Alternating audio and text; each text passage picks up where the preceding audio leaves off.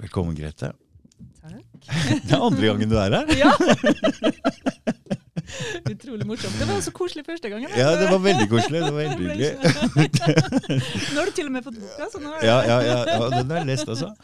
Den, jeg ble litt sånn Å, 400 sider, og jeg har slitt litt med å lese bøker i det siste. ikke sant? Det, det jeg, men det var veldig sånn eh, korte kapitler, veldig lettlest. eh, sånn. Det gikk fort unna. Jeg tenkte det var ikke noe problem. Så bra. Eh, hva skal vi snakke om, egentlig?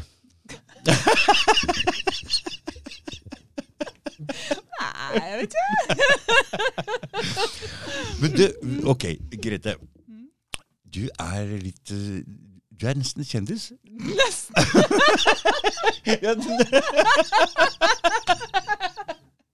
Ja, du- Du, prøvde i stad, så prøvde jeg å si at du er kjendis, men du sa nei.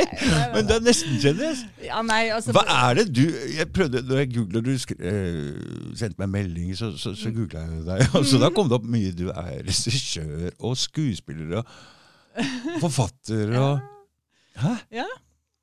Entusiastisk person. kan Hva, hva er det du har drevet med som eh, skuespiller og Ja, regissør? det, uh, regi så har jeg gjort egentlig absolutt alt mulig rart. Um, men det, liksom det man liksom nevner, er noen spillefilmer og TV-serier og sånn. Og så har jeg jo og det, er- det er lenge siden jeg var skuespiller. da. Det, det var liksom Man begynte litt der. Ja. Um,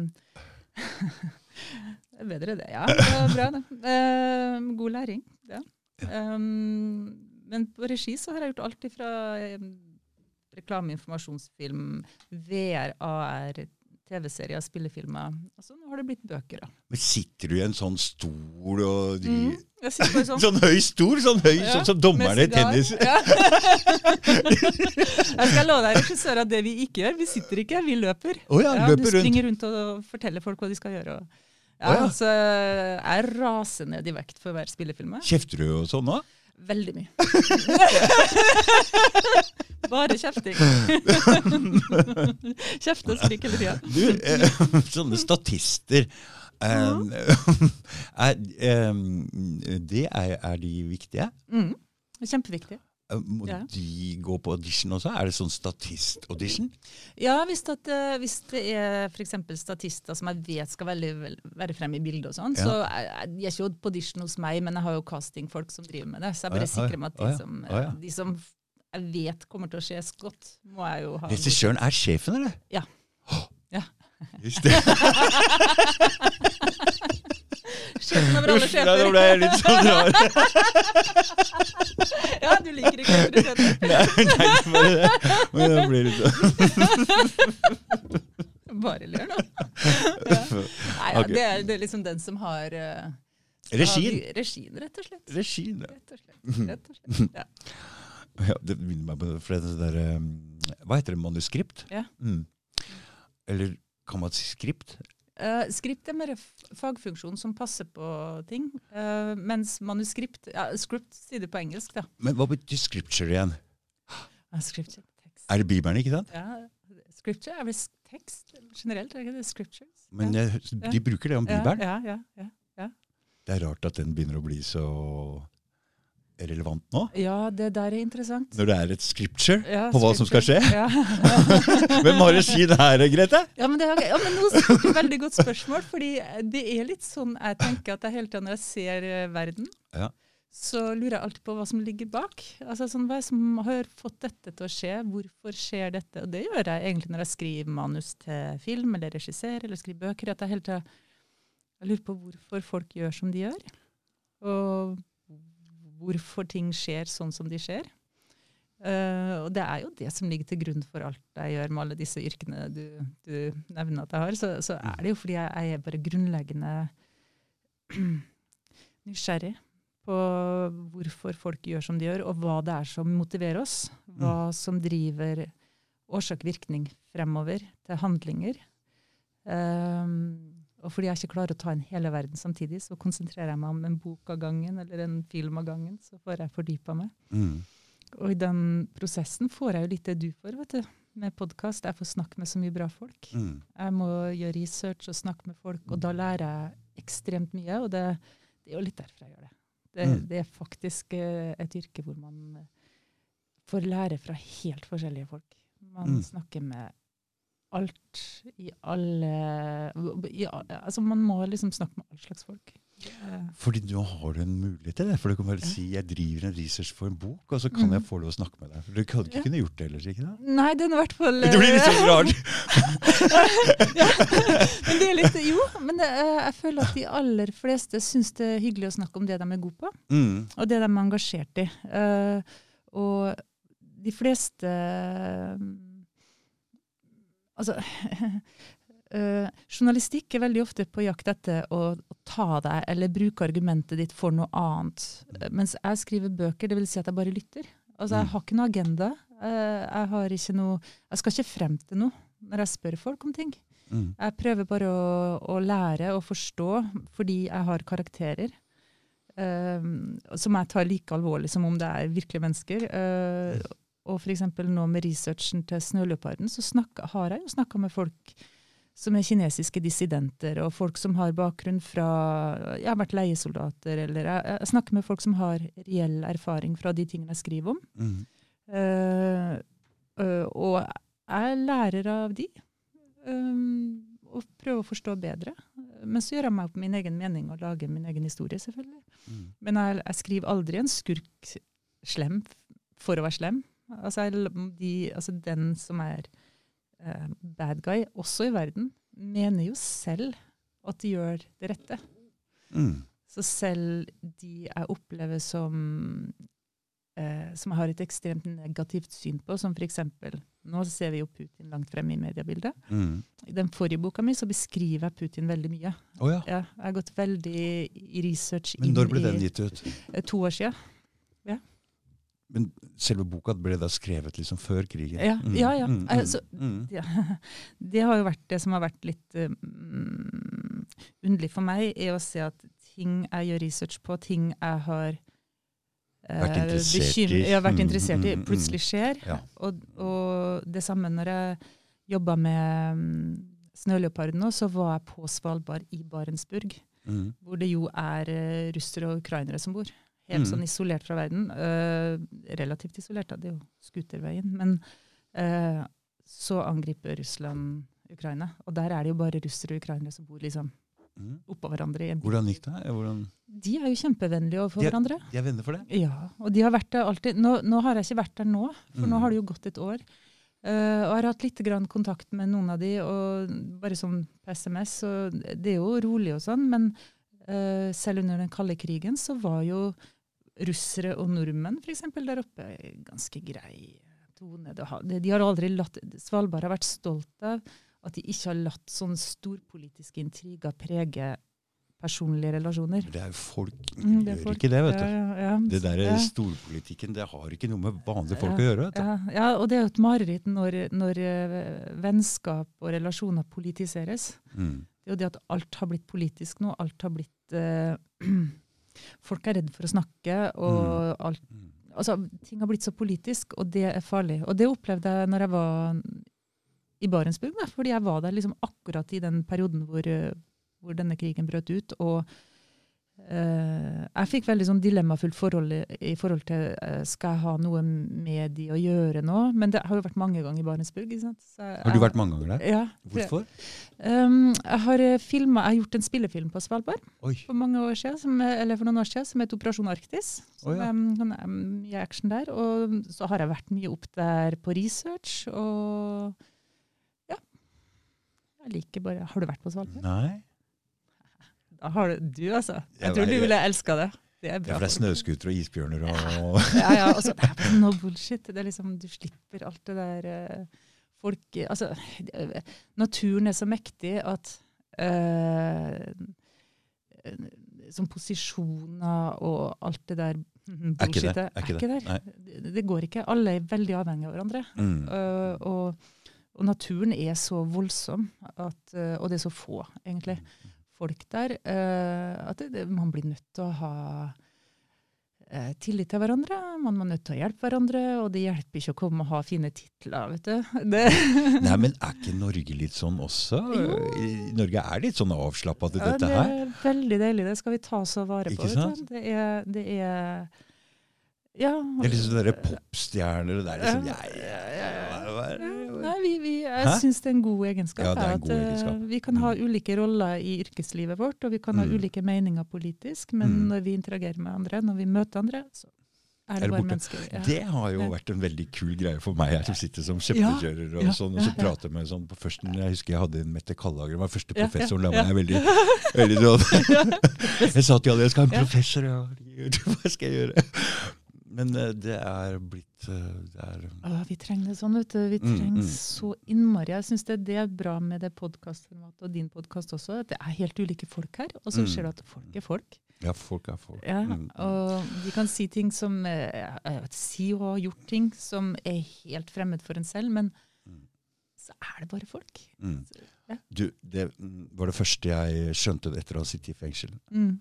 Mhm. Da satt jeg sammen med den og den, og folk Mm. Å, fy er han der! Og Mm. bare Mm. Nei, beklager, ass! Nei, nei. Det er ikke sånn. Det er helt vanlige folk. Ja, ja. Det- Så det det. folk har en tendens til å Ja. hause opp Ja, ting, ja. men det er ikke Og sånn som fremmedgjøring, og at vi er så eh, og, og Det det livet med, som regissør særlig, det er jo at sant, den ene dagen treffer du en superkjendis, neste dag så, så kanskje du jobber med uteliggere et sted, og Mm. så en annen dag så er du og-? Eh, du rundt på en fabrikk i Pennsylvania under for å nå filming, og så er du plutselig et helt annet sted. Så det, og, og det jeg bare ser som den røde tråden gjennom alle kulturene, alle folkene man møter, i at folk er folk. Mm. Jeg kommer jo fra Kristiansund, altså det er jo liksom Der kan du bare prøve det. Attitude. ja, ja, Det går ikke? Nei, plukkes rett ned. Så det er veldig greit. Ja. Ja, det er deilig, det. Ja, det er sånn Ja. det skal være. Du, um, men hva jeg skulle si eh, For å være en god skuespiller Mm. Jeg ser på de gode skuespillerne. De Mm. er helt rolige. Mm. De roer helt ned og bare er seg sjøl, Mhm, egentlig. mhm, Hæ? mhm. Ja. Det er, veldig, det er et veldig krevende fag. Det er, Ja. Eh, fordi jeg jobba jo som skuespiller sjøl litt, og kan si at uh, grunnen til at jeg slutta, var at jeg ble selvbevisst på måten jeg snakka. Oi, du, der vil jeg bare innbryte inn. Ja. Nå har jeg blitt så allergisk mot meg sjøl at Ja. når jeg skal ta de der bildene som skal jeg legge ut uh, Ja. for, for, uh, på podkasten, Ja. så skrur jeg ned lyden på PC-en på forhånd, så gruer jeg meg i ti minutter før jeg gjør det. Jeg vil ikke verken se eller høre meg Ja, sjøl. Altså. Det der er Nei, ikke det, det er vanskelig, for da, i det sekundet du blir selvbevisst som skuespiller, Ja. så uh, funker ikke. Så, det, så de gode skuespillerne de, de gir slipp altså, Mange tror at skuespillere er veldig sånn egodreven jobb. At Mhm, du er liksom meg, meg, meg. Mhm. Motsatt. De er veldig i stand til å miste seg selv. De har karakteren sin, de har gjort alle forberedelser. Det øyeblikket du skal spille, så må du stole på at du har gjort jobben. Mm. Så må du bare slippe det taket, og bare leve deg inn i det. Mm. Miste deg selv, det er en veldig egoløs jobb, egentlig. For det er mange som har sagt meg at du må liksom høre på deg sjøl, og så pille Mm. ut i det. Mm. Men det blir Det, det er derfor man har regissører som regel. Det er for at den Ja. kan høre på deg og pille Ja, ut i, ja, sant? som ja. en skuespiller. En skuespiller skal slippe å tenke eh, skal slippe å tenke på resultatet. De skal tenke, i hvert fall i opptakssituasjonen, eh, de skal tenke på karakteren sin. Gå helt inn i karakteren og gi slipp og bare reagere naturlig i øyeblikket. mm. Så mm, hva enn de presenteres for i øyeblikket, må de reagere som karakteren, ikke Mm. seg selv. Mm. Og da kan jo ikke en skuespiller også tenke på Ha noe annet i huet. det Nei, jeg kan ikke ha Nei, noe annet nei, i huet. Nå, nå, nå, Ja. nå husker jeg det. Ja. Teken med å ikke bli Ikke at politiet skulle øh, Når de stoppa meg før. Ja. Gud, så gøy at du har den Det, erfaringen. ja, det var å bare konsentrere meg 100% om den situasjonen her, og glemme alt annet ulovlig jeg hadde i bilen.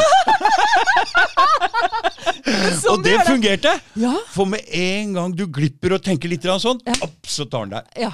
Men hvis du er 100 fokusert på bare han og den samtalen, Ja, da klarer han ikke, da klarer, merker han ikke noe Hva spennende. Ikke sant? Skjønner du? Ja, Men da kan du kanskje blitt sånn spion og etterretningsagent og sånn, du. Kunne bare vært i øyeblikket. Bare, Det er en sånn nødsituasjon, det her, da. ja. Du kan ikke leve med det presset konstant. Nei, for det jeg klarer Jeg er jo egentlig veldig sånn ærlig og vil si akkurat Ja. sannheten, og sånn, men i en sånn nødsituasjon som det her, så bruker jeg den nødvergeparagrafen. Dessuten så det har jo vist seg i etterkant at jeg har jo jaggu meg hatt rett hele tida. Jeg har ikke lov til å drive med de greiene de har drevet med, politiet. Nei? Det kom jo fram i den politi... den derre reformdebatten. Men Så var det plutselig at de har ikke hatt lov å drive og plage oss og ransake oss og Nei. gå hjem og slå inn dører her og rive i stykker alt. Nei? Bare de fant lite grann. Men, men er det dop de skal ha tak i, da? Ja, dop, da, Ja, ja. ja, okay. Så vi har også hatt lov å si nei. Ja. Ja, det skal jeg visst. Men det da, må de da ha sånn skjellig grunn til mistanke? At de, uh, Ja, det må, de alltid sånn som jeg har sett på film, da. At de er- kommer med en sånn warrant eh, Egentlig så må de ha skjellig grunn til mistanke, Ja. men de, eh, det som kom fram nå i den, den reformdebatten, ja. det var at han Geir Evanger, han Norsk Narkotikapolitiforening, han gikk ut og sa hvis denne reformen går gjennom, så Mm. mister politiet sitt viktigste eh, våpen. Mm. Og det er at hvis du blir tatt med litt grann, to gram i lomma, eller Mm, sånt, mm. så har de lov å gå gjennom telefonen din, de har lov å gå hjem og ransake ja, hjemme hos deg, okay. og alt mulig ja, det. Og da sier Riksadvokaten Mm. det har dere aldri hatt lov til. Og alle bare What?! Ja, Hva ok. skjer her nå?! Det må, det må være hardt å være politi på en måte, tenker jeg. fordi eh, bryr de seg egentlig om de som har bare litt, et par gram i lomma, liksom? De vil, da skal de ta De vil ta bakfolkene. Ja, bakfolka, ikke sant? Og da skal det, de skvise. Det, ja, det som skjer, er jo ganske stygt, fordi de tar tak i de svakeste. ja, ja, ja, og tyner dem. og. Det har vært ganske stygt, det som har foregått. eh, Så de Eirik Jensen og de folka der som har jobbet ja, i den uropatruljen, de har vært direkte ondskapsfulle og slemme og tatt de svakeste folka, fått dem til å jobbe for dem. Og etterpå, når de ikke vil mer, så bare si, sier dem at de har vært tystere og sånt. Mm, så så det, de er, det er liksom de svakeste, Ja. de stakkarene som, som blir brukt på den måten. Og det er jo ikke noe særlig pent, syns jeg. Jeg er litt sånn fascinert av en som heter Gabor Maté. Har du hørt om han? Ja, jeg har Ja, hørt om han. Jeg har ja. sett litt på det. Ja, Mm, han, mm. han fascinerte meg, for han, han snakker om hvordan rusmisbrukerne som politiet driver og jager, Ja. de som er virkelig dårlige, da, som Ja, er ja. misbruker, Mm. det er jo bare de traumatiserte barna. Det er det det er. Det det er mennesker som har så stor smertetrykk i livet at de trenger trenger rus. Mm. Altså De trenger hjelp, og hvis ikke du får hjelp, så hva skal du gjøre? Det, Jeg hadde en sånn greie før når jeg så på de små barna som måtte bli voksne når de var barn. Mm, mm, Og det så jeg litt hele tiden. Mm, mm. Det var mye av det. Mm. Eh, De hadde foreldre som ikke var noe særlig tilstedeværende, Mm, så de mm. måtte bli voksne når de var små. Mm, mm, de måtte ta ansvar når de var Mm. liten. Og de har jeg sett har slitt litt. Jeg har hatt litt snev av det, jeg. ja, ja, ja. Og jeg, jeg ser at mange har hatt det mye verre enn meg. Og, så jeg ser, tenker alltid på det som de, de små barna som måtte bli voksne Ja, når de var altså, barn. De, de, og de blir litt traumatisert av det der. Og, Og så trenger vi å jage de, liksom. Det, altså, nei. tingen er jo at Først blir de da svikta som barn og utsettes for overgrep eller gjennom forferdelige ting. Og så Alle forstår at hvis du har brekt ryggen og har veldig vondt, så får du smertelindring. De er, offer, har- de er offer, Ikke sant? og de har en offerrolle i samfunnet. ja, og, Og de blir når du- brukt som det hele Ja, tiden. men hvis man har psykisk smerte, så har vi ikke samme respekten for at kanskje man trenger smertelindring der også. Og det er der jeg tror mange selvmedisinerer. det. Det kan godt og det være. blir uh, misbruk. Det vet jeg, dette, ja, ja. Det, ja, det, må- jeg, jeg ville synes det har vært meningsfullt å være politi for å beskytte folk. Jeg ville synes det har vært vanskelig å jage rusmisbrukere. Mm. Og nå eh, kommer det en annen ting med ja. tvangsutkastelser Ja, og sånne ting. Og da begynner det å gå i statens ærend. Og jeg vet ikke om dette. Jeg tror det er litt det som um, Det er litt Vi, snakka litt grann om det før vi begynte her nå. øh, det er når det blir for stor avstand mellom makta og folket, skal jeg si. Mm, At det oppstår veldig mye misnøye i folket. mm, Uh, og en skal være forsiktig med å gå inn for hardt inn i folks liv og regulere på en måte som er Skaper mer misnøye. ja, skaper mer misnøye. ja.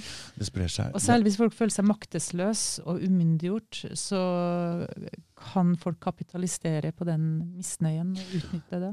Det er noen, eh, men dette tilspisser seg veldig nå. fordi under hele denne pandemien så ble jeg Mm. tilsendt en del sånne høringssvar, for jeg var Mm. sånn aktiv Facebook-gjeng. Mm. Og alle disse høringssvarene gikk da også ut på mer hemmelighold Mm. av de Mm. som styrer, Mm. mer overvåking av oss. Mm. Ok, Så hva er det de egentlig driver og Mm. forbereder her nå? Er det bare en naturlig reaksjon? Vet de hva som skal skje? Er det sånn at vi skal få det verre? Jeg, jeg, jeg, jeg tror jo det at her i Norge så skal levestandarden ned. Mm. Det er planlagt. Det er sånn det skal være. Og så driver de og føler seg fram. Hvor har de oss uh, Mhm. Fordi vi ser, de ser, ikke- du ser hvordan helsesektoren de klager. Mm. Alle klager. De kniper litt Mm. over hele linja. Mm. Mm. Skoler. Mm. Venn av meg skulle på sånn juletilstelning nå. Mm. De måtte betale for leie av teatersalen selv og sånn. Så du ser de, de, de tar litt hele veien. Mm. Mm. De lover mer, men det blir litt mindre hver gang. Eh, Det skal bli vanskelig, det skal bli morsomt eller spennende å se hvor langt det norske folk kan Mm. se at vi har den kassabehandlingen. Mm. og så er det stadig flere som får det vanskeligere. For det er det. Mm, -hmm. Det er å samle seg noen felles verdier, fordi eh, jeg, jeg føler veldig på det der med det teknokratiske teknokratveldet. Som Hva betyr det egentlig? Teknokratveldet teknokratvelde er liksom byråkrater og teknologi og disse ah, Fylle ut masse skjema på nett for å bare liksom Kan jeg ikke bare få snakke Mm, med mm, noen jo, eldre mm, folk som mm. bare prøver å få til en samtale med banken? ikke sant? Ja. Hvordan i all verden skal Det er meg, det der. Ja, det er meg.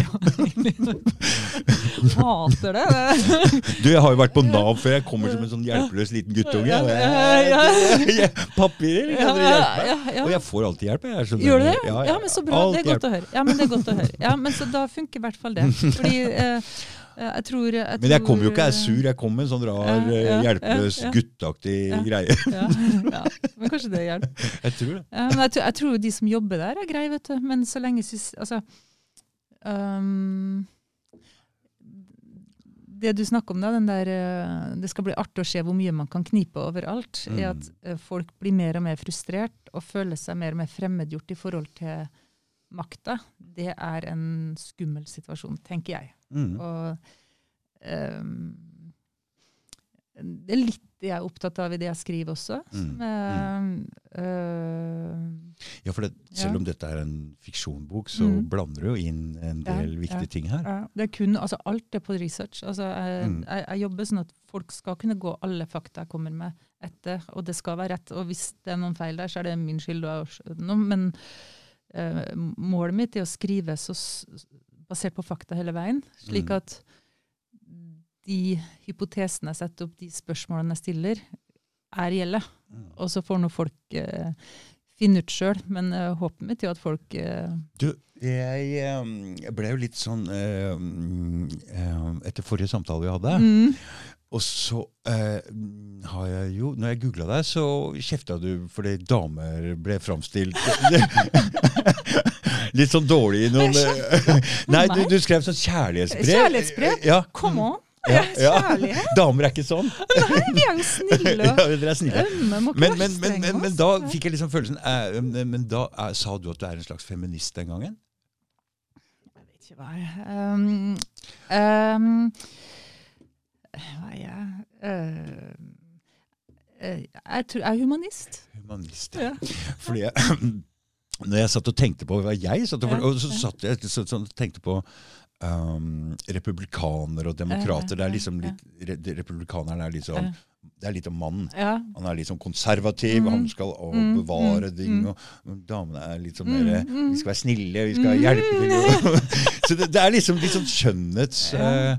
Også, Ja, midt ja, oppi det her. ja, ja. Og her er det full forvirring i, i, i verden i dag. Ja, Og, og jeg skrev en melding til deg. Du, hva heter hvis feminist eh, De som heier på damer, heter feminist? Hva heter de som heier på menn? Som heter menn, liksom? Heter de mannssjåvinist? Det er veldig stygt. ja. Maskulinist, var Ja, maskulinist var forslaget. Det er ok. Ja, Det. stå på mens Fordi jeg tenker det, det er jo sånn veldig eh, mm, eh, det er jo veldig reelt. Det er også litt jeg skriver om i boka. Den der Rove-karakteren er jo Mm, en fyr som mm. bare har sett seg lei på Mm. den der utflatinga, forvirringa, og han representerer jo egentlig et syn som veldig mange politiske krefter har i Ja. Europa, Ja. og, og særlig Russland, Mm. men også i USA. Mm. Um, Dette er jo noe Ja. av grunnen til at det er mange i, i Europa som egentlig støtter, støtter Putin. yes, yes, yes. Ikke ja, sant? Ja, ja. Fordi det er den maskuline Ja. 'nå må vi ha orden', 'nå må vi. Ikke sant? Ordnung muss sein. Det er litt sånn, da. Jeg har ikke helt satt meg inn i det. Men det, det så inni blant all den forvirringa som Mm. foregår også en sånn kjønnssplittelse, at vi er uenige. Og som jeg sa mm, etter jeg sa det forrige gang, jeg har to sånne porselensfugler som står oppe. Ja, En med hodet opp og en med hodet ja, ned. Ja. Altså i min så deilig at du har porselensfigurer.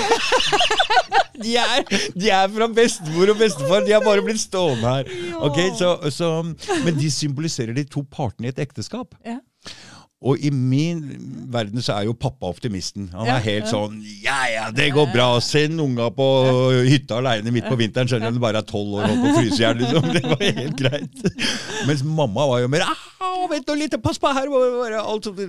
Så, men de to og Det har jeg tenkt på litt sånn etterkant at eh, det er jo litt sånn ja og nei, Mm, de to mm, svarene. mm. Men eh, sammen er de riktige. Ja. Så du må ha begge. ja. Begge svar er riktige, og det er det jeg tror egentlig mann og dame i oppdragelse av et barn eller Mm, sånne ting mm, uh, bør forstå. Mm. At de sier to forskjellige ting, Ja, ja. men til sammen så er de to tinga riktige. Det er det som er vanskelig, for jeg har jo vært alenemor. Og, Ja. og det er jo, da skal man være mann og dame samtidig. Det er helt riktig. Så man skal sette grenser, tjene penger, ordne, Ja. fikse.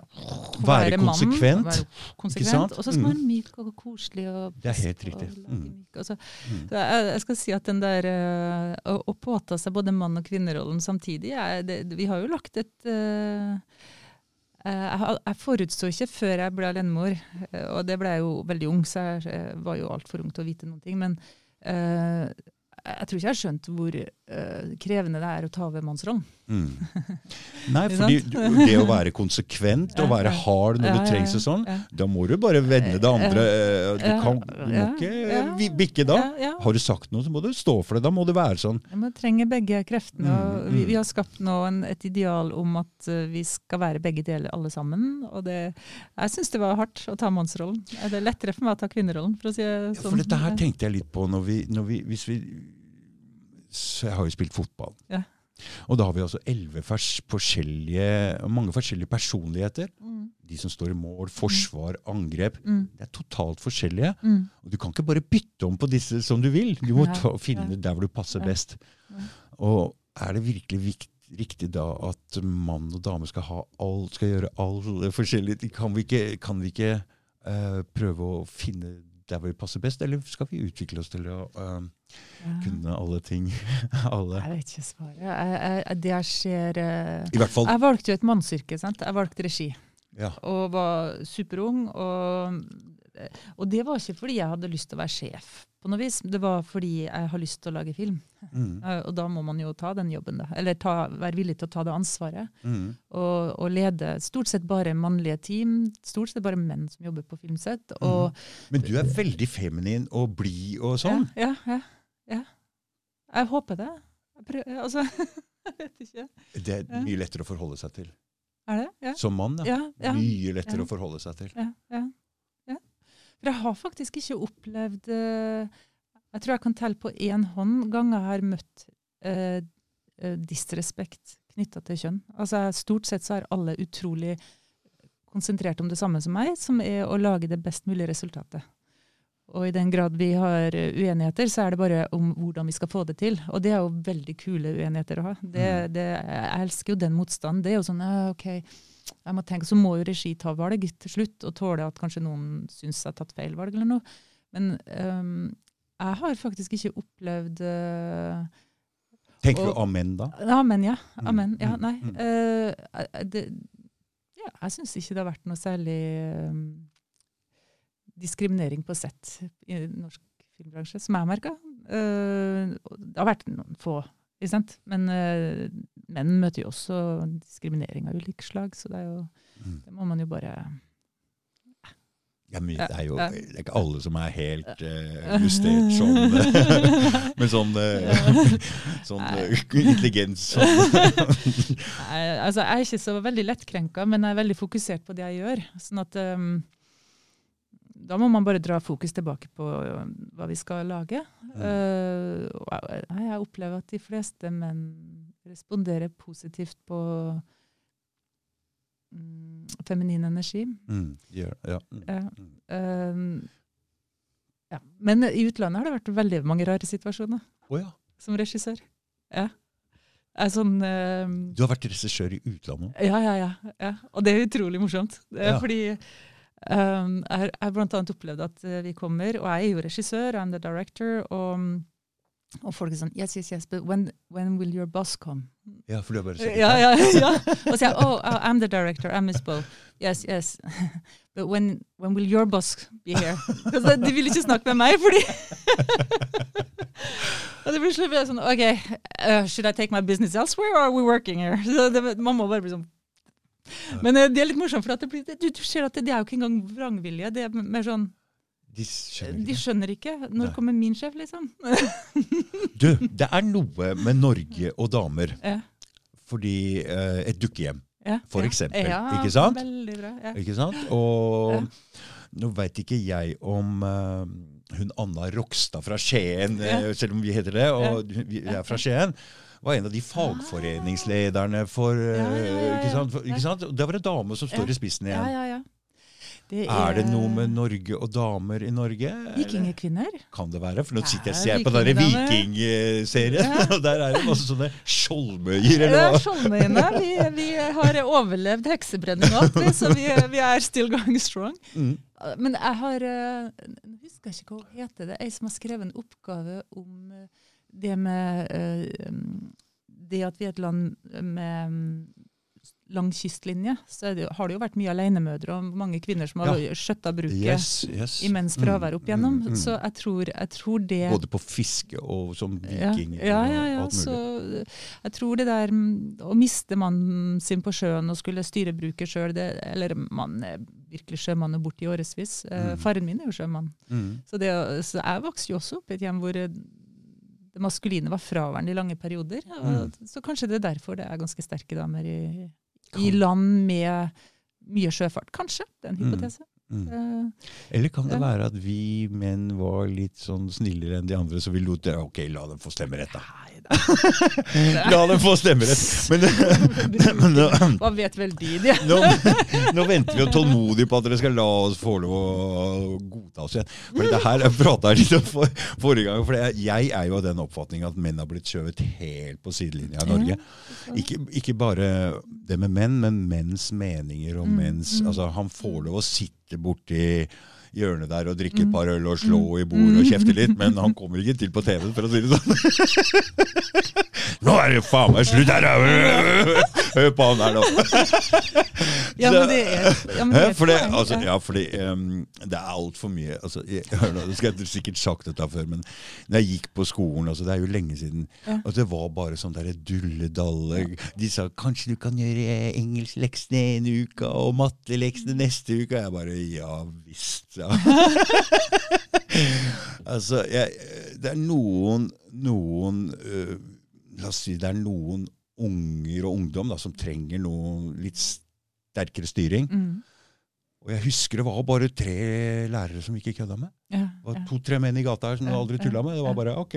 Ja, men eh, den militære Du skulle vært i militæret, du. Du, jeg var jo der, men det endte jo opp med katastrofe. Og jeg sto plutselig inne på uh, varetektsfengselet nede i Oslo der på Bayern med militæruniformen min, og da var det slutt. Ok, kan jeg spørre hva som?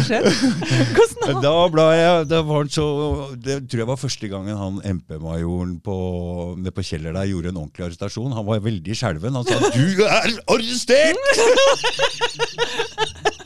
Unnskyld, du er arrestert. Uff da, tenkte jeg.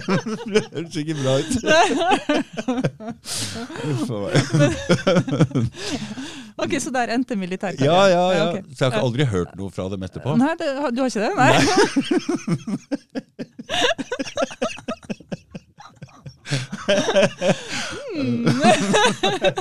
Nei, så du responderte ikke bra på for streng maskulin disiplin heller, da? Eh, Du var liksom nei, men altså, det, var sånn uh, eh, Når vi fikk første lønning og kunne ta perm, Ja.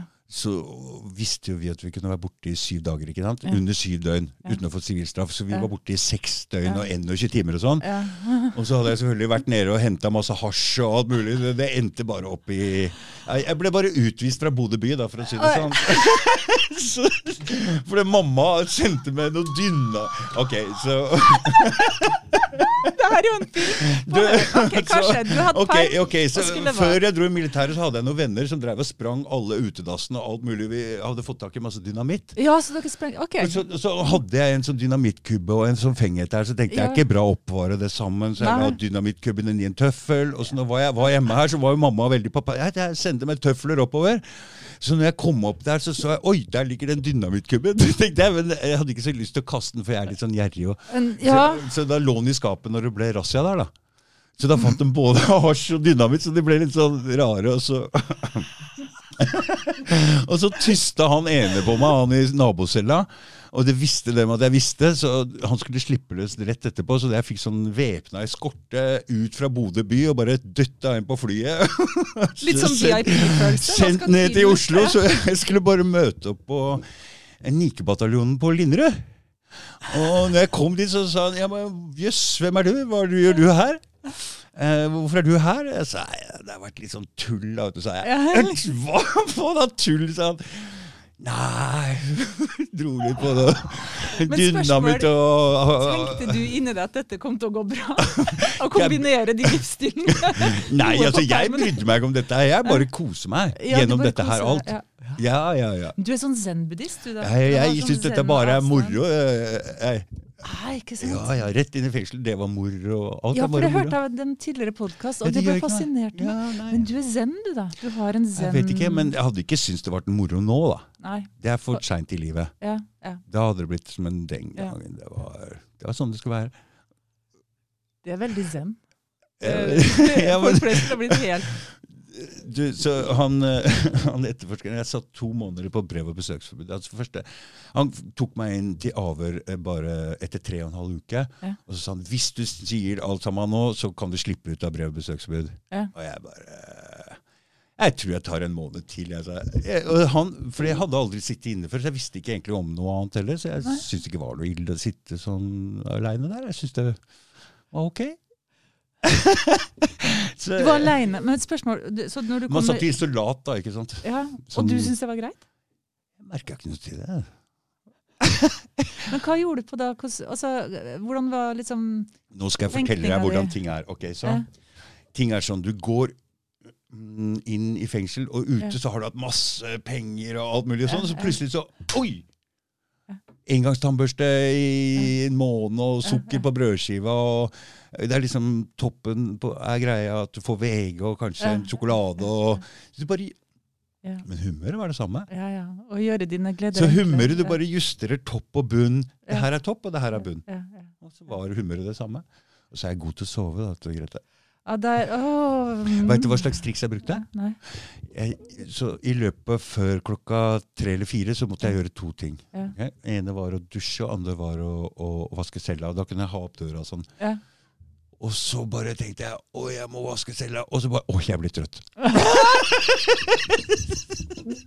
og så sov jeg litt til. så da gikk dagene. Da. Det, men det der er imponerende. Der, du kunne nesten bli sånn som skriver selvhjelpsbøker og sånn, du. Fordi eh, den evnen til å tåle, tåle De fleste Altså de, de, den evnen der til å beholde likevekt, vekt, like godt humør Jo, og isolat som med, med penger utafor, det, det er ikke mange som kan si. Nei, men altså det er, Jeg vet ikke hva det er. Man lever bare sånn inni seg selv. Jeg tror man Ja, har ganske ja. god sånn trykk inni seg når man er ung gutt. Ja, ja. Og at man bare er inni seg sjøl. Ja. Jeg vet ikke. Mm. Eh, Rett før Ok, så kanskje det er sånn der jeg aldri blitt veldig sånn synd på. Mm. Så jeg, jeg husker jeg skulle dimme. For at jeg syns han bretta kantene og drev på så veldig mye med det eh, brette kanter og re opp. Så jeg tenkte nei, nei, dette her skal ikke jeg. Så jeg gikk bort på, på, på, på det der um, Bort til han der eh, legen, Mm. og så skulle de time. Mm. Og så kom jeg ut på andre sida der med Tuxi hostesaft. Og jeg bare Hæ? Hva skjedde her nå? Sa hva det jeg har sagt? Jeg sa at jeg hadde vondt i halsen. Så jeg ble ikke noe dimming. De har hørt den før, vet du. Det ble ikke noe dimming der. Og så, så, så det var ikke noe synd på meg. Nei. Nei. Så, så husker jeg jeg skulle gå for sjukmelding da jeg var på permisjon. og Jeg slo meg sjøl i huet og skrapa med sandpapir og spiste diesel med sånn sukkerbit med diesel for å få feber. Og jeg dro til legen. Han bare så på meg. Når går første toget? Så jeg tenker Nei, det var ikke noe synd på han. Nei, han er ikke så han, gjorde du alt det der for å komme ut av militæret? Nei, det var bare for å være hjemme litt lenger. Da. Men du er løsningsorientert, ja. Ja, det hjalp ikke. Da. Men i hvert fall, det var, det var ikke noe synd på han. Det var det som var Nei, poenget. men det er veldig, men det, sånn er jeg litt opptatt av. Så det ble jeg er litt stolt av, egentlig. egentlig. Det er ikke noe synd på, du får Nei. ikke noe sjukmelding, du. Nei, det er ikke. Det er ikke noe dimming på deg. Nei. Ja. Så det var det jeg tenkte når jeg ble satt inn. Det er ikke noe synd på han her. Nei, men, ja, men det, er en god, det er en god innstilling. Det, det er en god innstilling. Ja, nå nå spora vi helt av. Ja, ja. Jeg elsker sånne historier. Jeg syns det er veldig artig å høre. Det er, mm, ja, jeg har kanskje noen sånne historier, jeg, men nå har jeg aldri hørt dem. da. Ja. Jeg bruker dem opp. Teller til sønnesønnen sin og sånn. Nå skal du høre jeg er bare hør bestefar. Hør hva bestefar har gjort. Nei, vi, vi Nei, si noe du, Grete. Nei, men eh, du, den interessen for Ok, fordi den interessen for uh, Skal vi gå tilbake til boka? Ja. Ja. Mm. Eh, eller skal vi ikke det? Jo, jo, vi skal gå tilbake til boka. Grete har skrevet bok. Ja, Men du, du er ikke, for- må man gi ut tre bøker for å være forfatter? Er det noen som sier? Um, det har jeg ikke hørt, men Nei, nei. pff, jeg, men jeg, um, på en måte så er jeg litt lik deg. Jeg er også litt sånn som gjennom uansett um, Hvilken ord du er, ikke sant? så Ja. er humøret ditt samme. Ja, og så har jeg litt samme innstillinga. Det er ikke noe synd på meg. Mm. Eh, Det her er noe å lære. Mm, Folk som har det verre. Og hva Mm. godt kan jeg bidra med mm. i den situasjonen? Mm. Hva kan jeg gjøre positivt her ut av dette? Fordi, ok, Så livet Ja. det går noen ganger Ja. bakover, Ja. noen ganger så glir det lett framover. Ja, Du kan ikke bare stoppe å gå. nei, nei. Du må Og, bare gå, og, og like, Kan du like godt være i godt humør selv om det går litt sånn eller sånn? ja, og jeg har liksom jeg har, eh, I likhet med deg Du har jo hatt noen inne her på podkasten din som har opplevd ekstreme ting. Mm. Jeg, ble, jeg hørte i jula på den podkasten med han som hadde begått et øksemord. Mm. Og det er jo veldig, veldig inntrykk. Og Mm. eh, livet mitt har også vært full av ekstremer. Mm. Det er ikke så mange som ser på meg. Nei. Men uh, for jeg er litt sånn, jeg viser ikke egentlig hvordan jeg har det utad. Mm.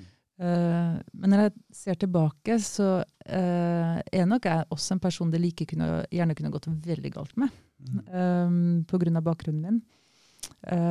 Og jeg har lurt på hva kommer det av at jeg på et eller annet vis reiser meg opp igjen. Eh, og, og det tror jeg er at jeg syns ikke synd på meg sjøl. Mm. Jeg tror den der eh, tøffe ting i barndommen, og så Ja, det har vært mye Hvem lærte deg det? Hvem var det som var sånn, foreldrene dine, mamma? Jeg Eller tror pappa? begge to er Begge litt sånn. litt sånn, ja. ja. Mm. For det er klart det at du ser det når barn slår seg eller noen ting. Mm, Hvis mm. de blir Mm. eh, Hvis du blir eh, eh, promotert, holdt jeg på å si. Hvis du lager så mye ut av det, så, så klart, da blir det jo vondt. Men hvis du bare sier pst, det er ingenting, så bare ok. Men kan noe. det bli for mye av den attituden? kan, okay, nå, Ja, nå, er du ja, veldig ja, ærlig med din bakgrunn, så kan jeg fortelle med meg. Ok, nå skal jeg fortelle. Ja. Um,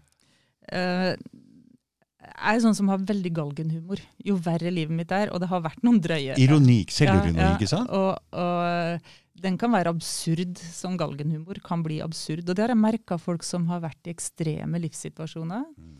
Eh, hvis man har galgenhumor. Eh, og da mener jeg sånn type eh, er på krisesenteret og skal fortelle noen hvorfor jeg ikke kan møte opp på noe. Og så si det, jeg forklare hvor jeg er. Og, og bare si du skjønner, her går, det er ikke farlig, det går bra. Her går det slag i slag! Folk er bare Hæ? Nei, men det er sånn det er sånn, det, det er sånn man må ta det. Ja, bare, altså, OK, opp og stå. Det, det, Mm, Se fremover og Men det var, det var um, For å være i den der um, lavstatusrollen det er å være offer, Mm, det er veldig interessant. mm, Da er det ganske vanskelig å ta den der uh, kjekke holdningen. Uh, det er jo en grense for hvor mye et menneske skal tåle, men, men tror det er det som har fått meg gjennom ting. mm. Og boka, den første boka ble skrevet litt i panikk fordi eh, eh, koronaen kom, så forsvant alle mine jobber som regissør, selvfølgelig. Ja, selvfølgelig. Ja, så jeg hadde jo lagt opp økonomien etter jobber Mm, som ble mm, borte. mm. Hva kan man gjøre når man er sperra inn på en måte i leiligheten sin. Mm. Eh, skrive bok, da. Så. Var du flink til å skrive på skolen og sånn? Um, ja, jeg, ja, jeg har livlig fantasi. Det har Mm. jeg, tror jeg alltid har fått høre. Ja. Mm. Uh, og så er jeg veldig målretta. Når jeg eh, bestemmer meg for noe, så blir jeg veldig intens. Litt sånn som går i uh, Litt sånn som du beskrev når du snakka med politiet, at verden forsvinner litt for meg, og jeg bare konsentrerer meg om det jeg gjør. Mm. Um, ja, jeg tror, jeg tror jeg alltid har vært god til å ordlegge meg. Det tror jeg. Ja. Mm. Men det er forskjell på det muntlige og, og skriftlige. Ja, Fordi, ja, um, ja.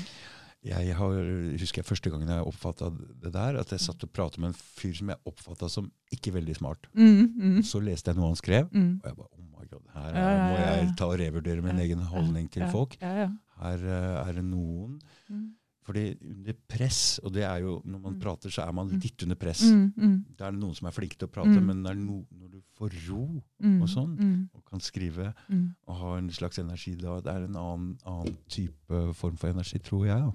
Så jeg, jeg er ikke noe god til å skrive, så jeg ser jo på det med litt sånn å.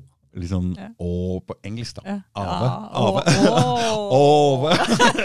Jeg ser på det litt sånn å. Jeg ser på det som en slags sånn magisk greie. Litt sånn halvmagisk greie. Og ord er magi. Det er magi. Logos. Mm. Eh, Mm. Jordan Peterson holdt på med det der hele tida. Mm, mm. Det er der med å bringe det umanifeste til det manifeste. Mm. Og eh, jeg tenker som uh, skrivende person så er man en slags, slags omvendt prisme. Man tar inn alt. Så mye som mulig. Jeg tar inn så mye som mulig av verden. Mm. Eh, åpner meg helt for verden. Men i det øyeblikket man skriver, så kommer alt ut som en ren stråle. Det er en historie. Det må henge sammen, det må veves. Så det å ta inn mest mulig, men når jeg skriver, så er det veldig sånn Da får jeg veldig Og da blir jeg så konsentrert at jeg kan Altså, egentlig vil jeg bare jobbe døgnet rundt, da. Jeg har egentlig ikke lyst til å Jeg er ikke noe god på å omgås folk, eller eh, Jeg blir veldig Så korona var tipp topp for meg. Ja. Time of my life! ja. Jeg veit om en annen som hadde akkurat det samme. Han pressa, da tenkte jeg han han, satt, han sitter bare aleine hele tida, inne hele tida. Så han tenkte hm, er det han som har uh, drivet og manifestert det her? Kanskje skal vi alle sitte sånn? Er det, han har utrolig sterk sånn kraft, tenkte jeg. Han klarte å få alle til Nå sitter han der og Ja. Dette er jo vanlig. ja. Men det er, det er litt rart, for forfatterlivet er jo veldig sånn koronaliv, egentlig. Hvor man, eh, jeg kjenner ikke så mange forfattere som klarer å kombinere den intensive skriveprosessen med et eh, friskt sosialt liv. Det- For da kommer du ut av det. Ja, for man, eh, jeg i hvert fall er så inne i karakterene, men det er også når jeg regisserer. Altså, når jeg er inne i større filmprosjekt. Jeg er så inn i det. Mm. Uh, så jeg har um, jeg, jeg var veldig sånn Jeg har barna, som jeg forholder meg til, barna mine, og, og dyr og sånn. Og så jobben. Men jeg har aldri klart å være så veldig sånn eh, supersosial. Fordi den jobben min krever at jeg er så inne i det jeg gjør. eh, Jeg er så i det universet at jeg nesten tenker som Ylva. Jeg, jeg tenker på hvordan det går hele tiden med de, som om jeg bekymrer meg om ordentlige folk. på en måte. Du, hva slags eh, kampteknikk er det hun der eh, Ylva kan? Egentlig? Hun kan vi? Det var litt judo der på slutten. Det var judo, ja. det var, judo. Ja. Hun knakk nakken på han derre Ja, og jeg forestilte meg at hun slåss mot en som deg, da. Og, og hun er jo sterk, hun er jo topptrent og sterk, og sånn, men du har Ja. ikke sjans mot en mann. Altså, Ikke sant? det Det er bare er jo fire ganger den styrken, Mhm, så da, da må du bruke Altså, jeg gikk på Så for judo bruker du andres Ja, da er hele greia, det, ja, ja, ja, hele, hele Mm, poenget. mm. Og du bruker motstanderens kraft, styrke, Ja, mm, eh, kroppsvekt, ikke minst, med, med mennene, som er tunge. Så, Mm. så hun eh, Tydeligvis så kunne hun judo. Heldigvis så kunne hun judo. Heldigvis. ja, for der var du litt nære på, syns jeg. ja, ja. ja eh, det, mm, men det er jo interessant, da. Ser du film for deg når du, når du skriver disse bøkene, ditt? Ja. Ikke sant? Ja, Det kunne blitt en film. det ja, ja. ja. Jobber jo- Kjempespennende film òg. Ja, ja. Det blir spennende. Skal? Ikke sant? Ja. Jo. Og Mm. hun Chi der og sånn. Det er spennende. Nei, men eh, det er, mm, jeg ser det som en film, og den første boka jobber vi med å få filmatisert nå. Eh, Oi! Så det, ja, ja. Du, eh, har du vært i Kina? Nei, jeg har ikke det. Nei, men du beskrev den der bakgården eller det bakre. Ja, ja, ja. ja, ja. Vet du, nå, jeg har eh, i den prosessen her eh, blitt kjent med flere kinesere. Mm. Og jeg er jo eh, veldig bekymra for utviklinga i Kina nå. Mm. Men jeg syns kinesisk kultur Det samme som jeg, det, det syns jeg også med russisk kultur. Russisk historie, kinesisk historie, kinesisk kultur er jo vidunderlig. Altså den der Men du, altså, Kina er jo et altså, altså, Bare ta USA, da. Når det Mm. kom hjem folk Mm. og fortalte om de hadde Mm. vært i USA. mm. Så hadde de vært på forskjellige steder. De kom Ja, ja, ja, ja. totalt forskjellige historier. Så det er, USA er jo ikke én ting. det er veldig vanskelig å sette seg inn i. Og Kina er vel antakeligvis det samme. Ja, om ikke mer, ikke Og, sant? ikke sant? Det er jo et kjempekontinent, men utrolig mange mennesker. Sikkert Ja. mange forskjellige kulturer og alt mulig. Men hva kommer det av at uh, det, det er interessant at Hva kommer det av at kinesere oppfatter seg som kinesere, og russere som russere, og ukrainere som ukrainere, amerikanere som altså, hva, hva kommer det av at vi faktisk utvikler sånne særtrekk? Fordi jeg opplever at eh, det er ganske stor forskjell på kultu- kulturer, selv om folk er folk og en går over er klart. alle og sånn. Så mm. jeg, jeg lurer litt på hva det kommer av. For det er det sånn eh, det, det er en definitivt annen måte å tenke på i Kina enn i Norge. Ehm, Jeg er jo litt redd for at det vi ser opp til her i Norge, er folk med penger. Ikke sant? Og de tenker jo på eh, men, Mens i Østen så er det altså folk uten penger Mm. som, er, som, er, Mm. som kommer med visdomsord. Ja, ja. Og du vet, med en gang man har mye, Mm. Mm. så eh, kommer ego. Mm. Ja, det er og, og, og, og da er det um, Så de tankene der, det er, en sånn, det er litt sånn feil her vi tenker her i Vesten. Og de er opptatt av det kollektive. Det tror jeg er noe jeg syns er interessant. Det, um, litt med den uh, researchen i det kinesiske nå, da, med denne boka. Jeg, uh, de prøver å forklare meg, Grete, du må prøve å forstå en kultur hvor det kollektive virkelig er viktigere enn individet. Virkelig i hjertet sitt føler de at kollektivet er viktigere enn meg. Og de, de er veldig Men Hvor det. Hvor stort er kollektivet da? Da er det Alle kinesere?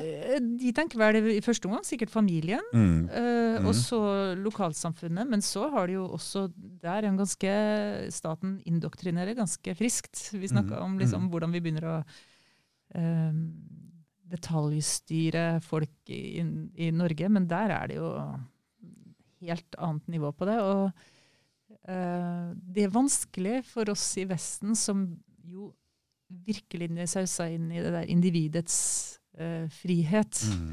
Meg, mine følelser, hvordan jeg har det. Uh, det er helt i ryggraden. Det integriteten i individet er ukrenkelig i vår tenkning. Og så har det blitt pervertert til å bli penger og makt og alt det der. Men Mm. Grunntanken er jo det naturlige, frie mennesket med Rousseau og alt. ikke sant? At Mm. vi skulle, og, og at det er en vakker tanke som jeg, jeg merker at den er jeg jo enig i. Altså Mm, den, det mm. er jo veldig meg. Jeg er jo ikke egentlig så veldig kollektiv av meg. Det må jeg jo bare innrømme. Så jeg, jeg har tenkt hvis jeg bodde i Kina, hvordan hadde jeg takla med min litt eh, ja, Jeg er veldig individualist. Det, det er jeg jo. Mm. Eh, Men der, å få, få det forklart hvordan eh, kollektive kulturer er, det, mm, Men trenger vi ikke begge deler? det, det Et sterkt individ Ja. som også har en eh, kollektiv bevissthet. Mm, vi er helt avhengig av begge deler. Mm. Og, det, det er når Og der, er også, ja. der har vi også to ting som bør Ja. smelte sammen, ja, som må bli enige. ja, ja. Som vi må liksom justere litt på. Samme som med dette Med med, kjønn, samme som med menn og damer også. Vi må finne ut av dette her. Det er kanskje det som er litt av det som har For jeg, jeg, virkelig det som motiverer meg når jeg skriver, er at jeg sitter liksom i min lille boble da, og ser på verden med bekymring. sant? Mm. Uh, og så kan jeg gi en sånn bakgrunn. eh, som veldig ung student, så eh, ja, Først, faktisk som tenåring, så dro jeg til Romania og jobba på rumenske barnehjem. Mhm. Ja. Der får du se hva som skjer når uh, individet ikke betyr noe. hva vi kan gjøre mot hverandre, vi mennesker. Men når var det?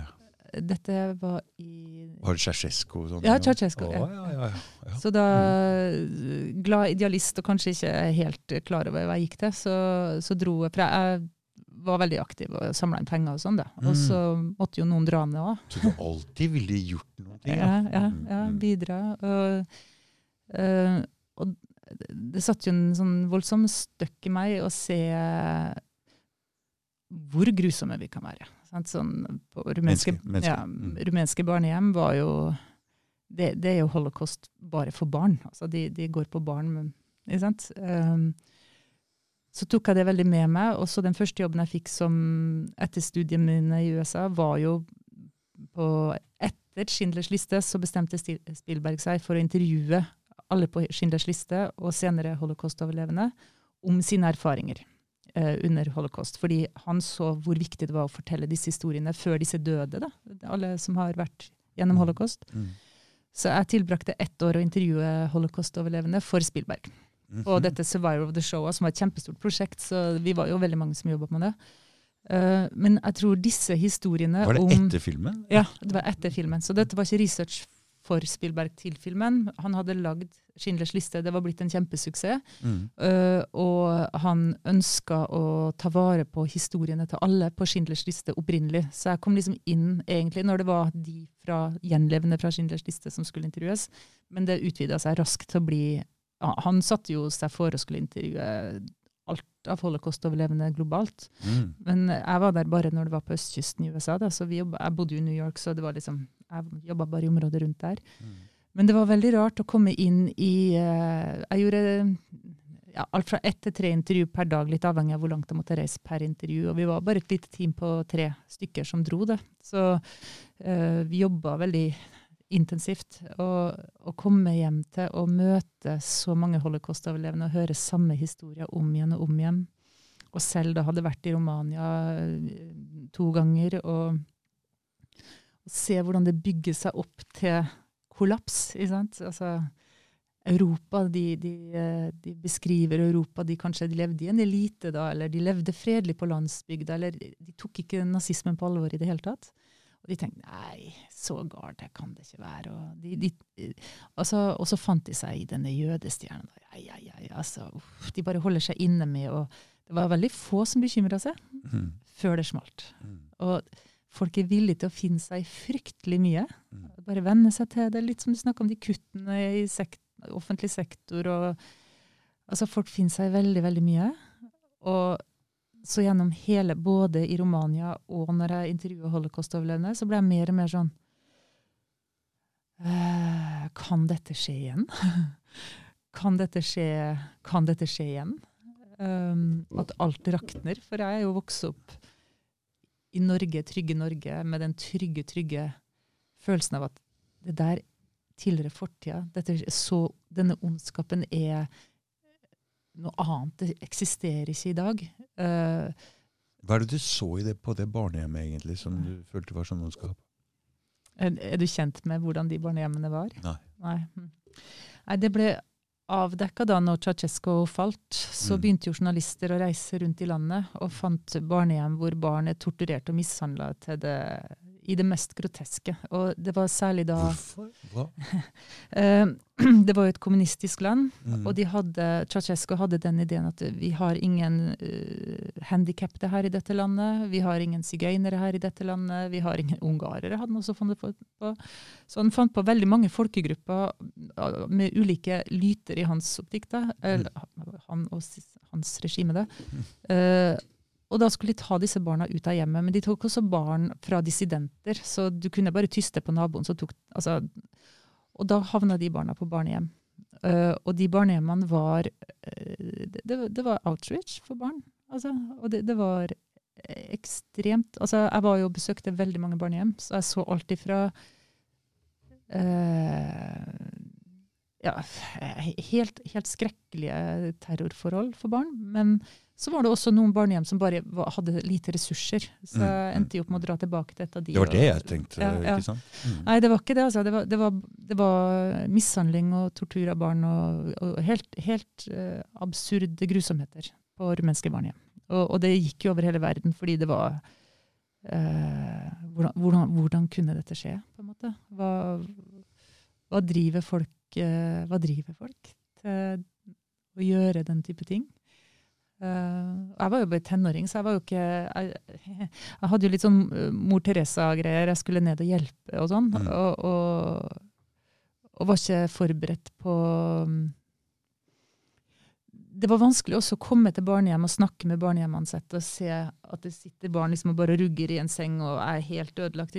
Og, men hvordan kunne dette mennesket som snakker med meg og virker hyggelig se- se- altså, Man hadde- venner seg til det helt Ja. utroligste. ja, ja, ja. Mm. Og de hadde akseptert at det er at, Men du og jeg er jo litt sånn, vi òg. Ja. Inne i fengselet akkurat lik. Ja. Så vi takler utrolig utrolige Ja, ja, ja, forskjellige ja, ja. ting. altså. Og så legitimerer vi ting som skjer, ikke sant. Mm. At ja, men det, disse barna er fordi uh, Altså, hva um, De klarte til og med å lage seg forestillinger om at ja, men det er fordi at, disse, at det er noe galt med disse barna. Det, det, det, man kan ta disse barna fordi det er eh, gatebarn, eller det er uh, sigøynerbarn. som De hadde veldig issues med noen. Og handikappede barn. Vi har ikke handikappede barn. Det, det, var, det var helt sånn groteskt hvordan på noen av barnehjemmene jeg var, hvordan de hadde klart å lage en forståelse i hodet sitt om at det var greit å gjøre dette. Akkurat sånn som i, i Tyskland, under konsentrasjonsleirer. Som jo er det absurde når man snakker med holocaust-overlevende, at eh, mange av de vaktene i konsentrasjonsleiren var ikke nødvendigvis psykopater. Det, det, det, det er jo det ondes problem, som er at vi normaliserer ekstreme ting. da. Men altså, nå hadde vi jo første og andre verdenskrig òg. Mm. Mhm. for å prate om hva Mm. folk Mm. driver og gjør mot hverandre. Mm. Så Mhm. Hæ? Ja, For at noen på toppen sitter og styrer gå ut og Mm, hat mm, og drep mm. og altså, ja, ja. Og nå er det krig i Europa igjen, vet du. Så nå er vi i gang igjen. ja. Så når du begynte å prate om barn fra dissidenter blir satt Mm. på barnehjem og sånne Mm. ting, så begynner jeg å tenke på oi, Mm. jeg har jo en del historier fra folk som driver med som nesten ikke tør å gå ut med meningene sine Ja, her ja, ja. pga. barnevernet i Ja, Norge. ikke sant? Det. Fordi barnevernet i Norge tar imot anonyme innringere Ja. er nødt til å Ja. Så jeg har hatt folk her inne som har vært ganske høyt oppe på strå, som Mm. har fortalt meg om noe om Mm. barnevernet her som de ikke har lyst til å gå ut med offentlig, Mm. i hvert fall ikke ennå mens barna er unge, men Ja. kanskje lyst til å ta det litt seinere. For det er eh, De sier hadde ikke hatt så mye ressurser, og de absurde beskyldningene som ble, som ble framlagt, så hadde jeg fått problemer. Da. Så, Det igjen å politisere dette her er altså, ja. Det der med anonyme angiveri og Ja. sånne ting jeg, jeg vet ikke, det, det Barnevernet må på en eller annen måte Det må bli en helt annen kontroll på det greiene der. Det, Det er litt rart at, det, at barnevernet har endt opp som det har gjort, syns jeg. Fordi Mm. ideen å verne barn, ja, den kan vi jo støtte alle. klart det. Men det er jo helt Og noen barn at eh, Trenger jo ikke sant? eh, Alle Desperat. Ja, ikke ja. Så mange foreldre er ikke egna. Men jeg syns jo i det hele tatt det, det, det, ondskapens problem er jo egentlig det jeg driver og Mm. prøver å finne Mm, ut av. mm. Og um, jeg tror jeg sendte deg, når jeg var litt ivrig etter at vi snakka sammen, så tror jeg jeg sendte deg Hanna Ardent. Ja, ja ja, men jeg hadde jo lest den Ja. boka til Einar Øvrenge. Ja, det hadde du jo. Mm, mm, Ja, ja, ja. Så, da, ja, så da er det jo inne i det. For jeg, jeg tror det er det jeg liksom skriver om og er opptatt av. er ondskapens problem. For ondskap det er jo ikke den enkelte gladpsykopaten som ordner og fikser og er gæren og ond. Det er alle de som bare passer ja, følger ordre og Mm, passer seg mm, sjøl. mm, jeg bare passer meg sjøl, holder meg inne med og stiller ikke noe spørsmål og jobber meg oppover er de i er systemet. Det er de som er problemet. Eich, Mm. Hun skriver jo om Eichmann-prosessen, hvor hun Mm. fikk veldig kritikk for å si ondskapens banalitet. ja, men da, da, da, da må vi bort fra å bare være kollektive Mhm. til å ha sterkt individ. Mhm. eh, en slags motstand mot Mm. alt mulig. Det Mm. må vi stå som sterke individer. Mm, Da mm, kan vi si nei. mm, Er det noe jeg har lært opp gjennom hele dette her Mm. eh, de to-tre siste åra nå, mm, så er det at hver gang noen prøver å gi deg noe, Mm. eller prøver å få deg med på noe, Mm. eller et eller annet, og så bare kan du se på det, så kan du si nei. Ja. Mm. Eh. Leke covid med masker og sånn? Nei. Vaksine? Nei. Nei.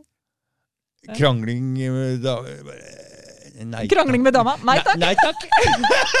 Ja, Man kan la være å krangle. Ja, Og, Man har et valg. Ja, ja, og jeg synes jo det og det var litt morsomt når jeg fikk høre sånn i etterkant at de har aldri gått og, og, Så vi har kunnet sagt nei til ransaking alle disse årene. Ja. Det visste jeg ikke. Nei. Det skal jeg visst.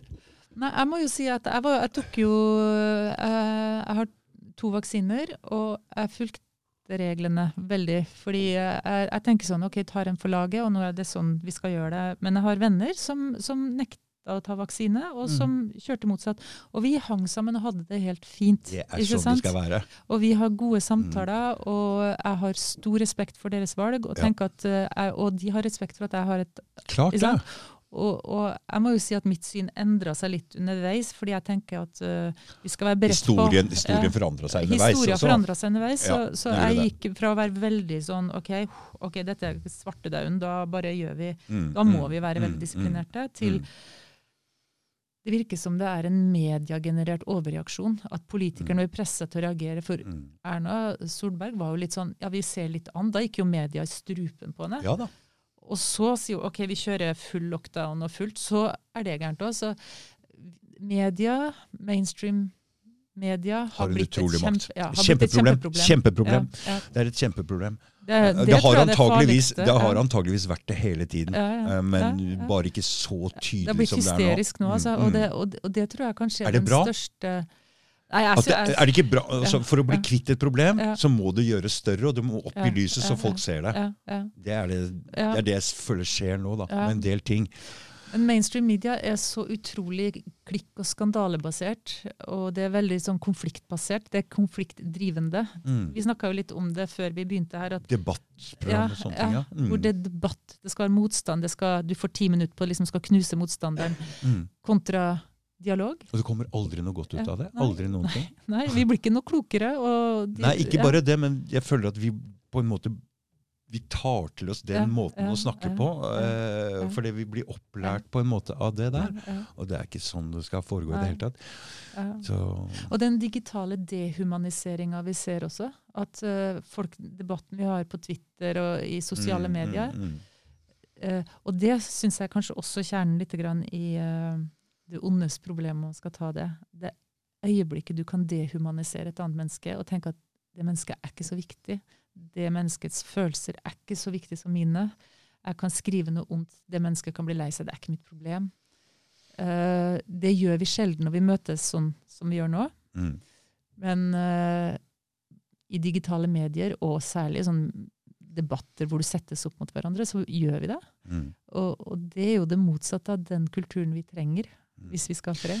Jeg, jeg prøver å unngå alle diskusjoner og sånn på nettet. Jeg blir eh, altfor fortsint. Jeg blir, jeg blir sånn Hvor bor du? Ja.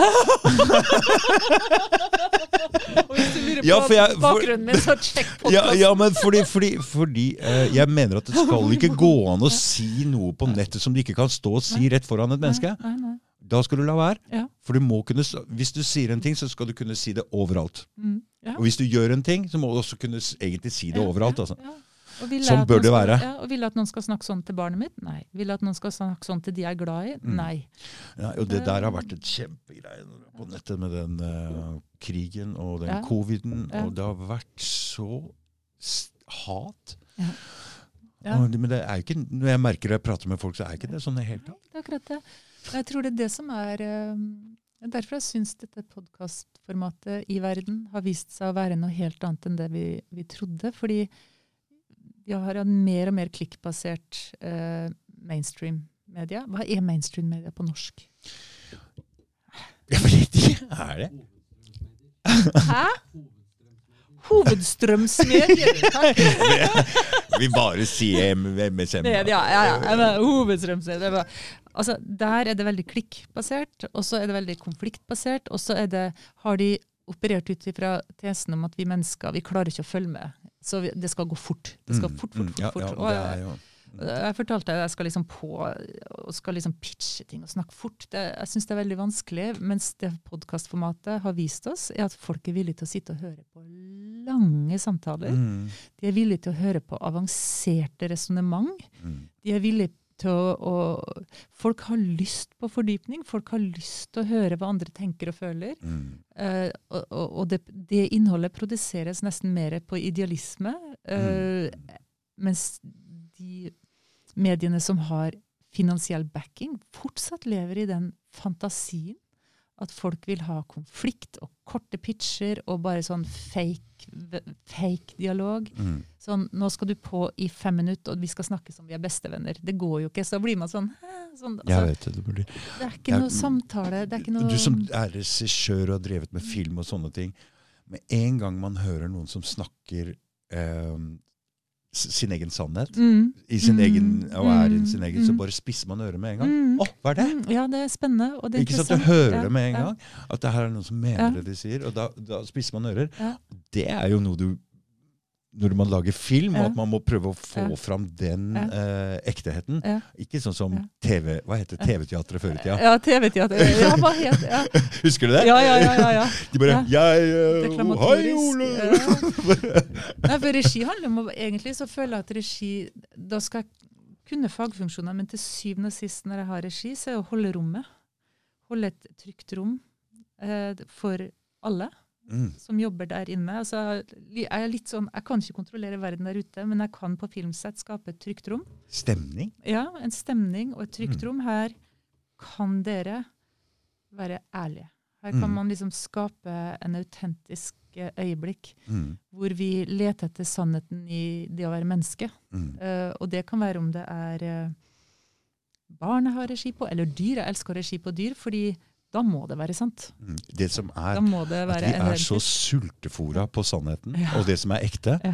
At realityshow og sånne ting, selv om det er på en måte litt fake, så er det litt ekte, det òg. Det, det, det, det tar oss lite grann. ja, det står litt på spill, liksom. Så, så det jeg mener jeg ser på TV som er mest ekte av alt, det er Mm. filmer. ja, ja, Og det, og det vet vi at ikke er ekte. Ja, ja, Så liksom, hva, så gi meg noe Jeg tror vi er inni oss er ute etter ja. å få vite sannheten. Ja, og vi ting. hungrer etter kontakt. Ikke sant? Du vet, Hvis jeg forteller deg en hemmelighet, hvis jeg forteller deg sannheten, så knytter jeg deg nærmere meg. Du sier 'jeg stoler på meg', det er det beste. Og jeg, da blir man gode venner, ikke sant? Når man forteller eh, hemmeligheter eller sannheten sånn. Det betyr jeg stoler på deg. Men når du lyver for noen, det er det verste. Du dytter folk fra deg, ikke sant? Skape Ser du? Så folk hungrer etter den nærheten som sannheten er. Helt 100 Mm. Og det, det er eh, og det, kommer, det er 100% der vi er nå, Mm. eh, som samfunn. At vi trenger den autentiske kontakten med våre medmennesker. Mm. Og at den, i det øyeblikket man begynner å, med løgn, som jo er det Egentlig er det det som er problemet. ikke sant? Det er det som er lø Er- problemet i verden i dag. Løgn er det. ja. Så det er ikke noe som heter hvit løgn. Ingenting. Nei, nei, Ingen løgn. Nei, Kan ikke være det- noe av det. Det, vi stoler ikke på institusjonene våre, vi stoler ikke på media. Mye pga. den fakeheten i sosiale medier, så stoler du ikke på folk. Altså, dette er, dette er mm, en stor utfordring for og Nå kommer jeg tilbake til Hanne Ardent igjen, da. Men ok, Mm, mm. hun mener at det, det største problemet med det totalitære er at for å kunne styre et folk, så er det ikke for å få dem til å tro på det du eh, predikerer. Det er å få dem til å ikke tro på noen ting og gi opp. Hvis du liksom peprer folk med motstridende informasjon og konflikt og Og det, kaos og det er det jo vi Ja. blir pepra med her nå. Ja. Spesielt under covid. ja. Det var alle mulige signaler hele og vi tiden. bare står og blir helt gæren. Og, Mm, mm. og Tror du det var bevisst? det, det, det, det, det der som Eller er vi bare en bevissthets... Hele menneskeheten som bare gjør dette automatisk? Hva er det som Hvis man er god konspirasjonsteoretiker altså, ok, Du vet at i um, innenfor russisk og kinesisk militærdoktrine Jeg skriver jo om det, om det, det 36 strategener og Art of War og sånn, men det, dette er også i den russiske militærdoktrinen, men også i vestlig. Mhm. Er det med misinformasjon? Mhm. Er det med manipulasjon? Og det viktige da er ikke å overbevise folk om at du har rett. Det er å forvirre de så mye at de gir faen. For da kan du styre de. Hvis folk bare er redde, forskrekka, forvirra, Ja, det de tror ikke på noen, det blir bare sånn Mhm. OK, whatever. Mm. Da Jeg har har et par sånne grunngreier som jeg hele tida detter tilbake igjen. ja, ja, Så bare, jeg bare Nei, vent nå litt. ja, Bam, bam, bam. Og så må jeg tilbake igjen og justere det derfra. For å forstå ting. Jeg har jo en forståelse av hva som foregår i verden, ja. Men det blir masse sånn. Så bare Nei, vent nå litt. Nei. Sånn var det, ja. Jeg, det må var tilbake kult, der. eh, jeg synes det var kult når du på en måte Når vi snakka litt om Schwab og Mm, Davos og mm, World mm. Economic Forum. For nå har det blitt Veldig mye fokus på det, Ja. og at det er veldig negativt, ja, alt det der. Ja, Mm. Mm, Er det så enkelt? det, det er, jeg, tror, jeg tror ikke det. Nei, jeg tror ikke det sjøl. Jeg tror ikke det er så Jeg tror ikke enkelt. det. Nå tok vi fram det lille um, You shall have own nothing and be happy, Mm. Som har blitt brukt veldig mye nå i det siste. Og det er jo ikke Klaus Schwab som uh, Hvem var det en eh, Ida, Ida Auken. Ja. Så det er jo bare en eller annen sånn forslag, et sånt uh, drømme, et sånt scenario som hun skrev. Uh, litt sånn, Så det er ikke egentlig en sånn World Economic Forums uh, det de går etter. Men det er klart at Det du kan si, er at det, altså, det man ser, er at når disse store multinasjonale organisasjonene Noen spørsmål må vi løse på multinasjonalt nivå, på transnasjonalt nivå. Det er ting som har med klima, regulering av finansvesenet, sikkerhetspolitiske ting. Uh, World Wide Web må jo nødvendigvis reguleres internasjonalt. Det hjelper ikke at vi har masse regler hvis alle andre har andre. Altså, så man trenger sånne internasjonale fora for å regulere noen ting som gjelder alle. mm, Der det har oppstått en frustrasjon, tror jeg, er at man opplever at de går inn utover det mandatet. De, har fått, de, de får for store mandat, og det er ikke transparent heller. Det er ikke transparent i det hele tatt. Og det som er, er at det er jo politikere og businessfolk som samles her. Ja, oh. Og mm, de er jo ikke folkevalgte på noen måte, og de styrer ganske, Mm. kontrollerer mye. Og det vi så under covid, var at små og mellomstore bedrifter gikk over ende som Mm. bare det. Og dette er jo den nye greia. at De tar over er store også- businesser ja, ja. og staten som tar over styringa. Ja, men det er også to, eh, definisjon på eh, fascisme, har jeg sett. At uh, i det øyeblikket finans- og businessverden og politikere danner en enhetlig elite som gagner hverandre, Mm. så har du fascisme. Ja. Fordi da er jo folk helt utafor. Da, da, har vi jo ikke, da er vi jo sjanseløse. Hvis politikere regulerer business, mens business skaper har sin makt og sin, sin uh, altså, Når de to begynner å samarbeide, og som du også snakka om, hvis da også LO eller andre organisasjoner, Mm, korporatismen mm, som Asle Toje snakker veldig godt om korporatisme i en podkast han har, Mm. eh, hvor han beskriver akkurat det der, hvor jeg tenker eh, jeg har liksom ikke tenkt på korporatisme ordentlig Mm. som er alle disse statsfinansierte organisasjonene også. Ikke sant? Så Mm. hvor du har eh, enten det er LO eller eh, miljøorganisasjoner eller hva som er. Altså, plutselig blir dette en elite som snakker sammen, og de, de mister kontakt med altså, De mener nok ikke vondt, tenker jeg. Det er bare det at de lever i en innforstått boble hvor de ikke er klar over sine egne eh, hvor de, eh, de er ikke klar over sine egne fordommer, de er ikke klar over sine egne feiltagelser, fordi de tjener hverandres interesser og virker, er avhengig av For hverandre. jeg, sånn- jeg har ikke visst veldig mye hva LO er før, men vi hadde jo et sånt møte i dag i aulaen på, på jobben, hvor det var kanskje 300 mennesker. Og det de skulle der, er å si at ingen får lov å gå hjem før eh, arbeidstida er over. Og da hadde jeg plassert meg på bakerste rad, som jeg sa. Der er jeg ganske tøff, så jeg tok jo og avbrøt hele tida og ropte over hele salen der hele tida. Og hun LO-dama da, hun tror jeg ropte til meg tre ganger 'Er du organisert?' Ja, Jeg sa 'Hva var det med saken å gjøre? Jeg kan vel snakke for deg?' ja, ja. Så, og jeg sa jo selvfølgelig at husk på her, vi er Norges mektigste gjeng her. Ja. Setter vi oss på bakbeina i 14 dager, så får vi gjennom hva som helst. Og hun bare roper 'Er du organisert?' Jeg sier 'Hva har det med saken å gjøre?' Men hva mente hun med det? Hva, Fordi jeg tror det virker som om hun eh, har liksom Hun prater for arbeiderne, mm. og vi kan ikke si noe De var veldig lite interessert i å høre på hva vi hadde å si om det. altså. seg med. Nei, nei, nei, de skal ikke blande seg, så vi fikk ikke lov å snakke omtrent, for det var hun som skulle snakke på våre vegne. Fordi de hadde allerede snakka om det der. De, ja, ja, ja, det er ja, noe greier, ikke sant? Men det er ikke i orden. Nei, Ikke i det hele tatt. Det, det oppstår en maktarroganse som jeg, jeg ser jo med sorg på jeg ser med sorg på det som skjer i helsesektoren, hvor jeg tenker det må være sant, det er det utrolig vanskelig altså, å være ved hjemmehjelp Mm. og bli, få nye og nye pålegg som gjør at du ikke kan hjelpe. Jeg vet at de har det samme problemet i psykiatrien. Eh, du, du, ja. Det er det samme. Vi, vi også blir kjørt litt hardere og litt hardere. Og litt hardere. Og jeg Mm. prater med noen som har jobba der eh, i, for 20 år siden. mm, Og her om, så for et halvt år siden så bytta de om på to av rutene mine. Den ene Mm. ruta ble mye mye større, mm. sånn at jeg klarer den ikke på tida. Det er ikke vits i å prøve å løpe engang. Ok, Så jeg har gjort, tatt den ruta som mitt ansvar. Ja, Jeg er ansvarlig for ruta. Jeg Ja. passer på at alt er i orden. Det er Ja. min rute. ja, ok? Men når du bytter ut den eh, ruta der sånn.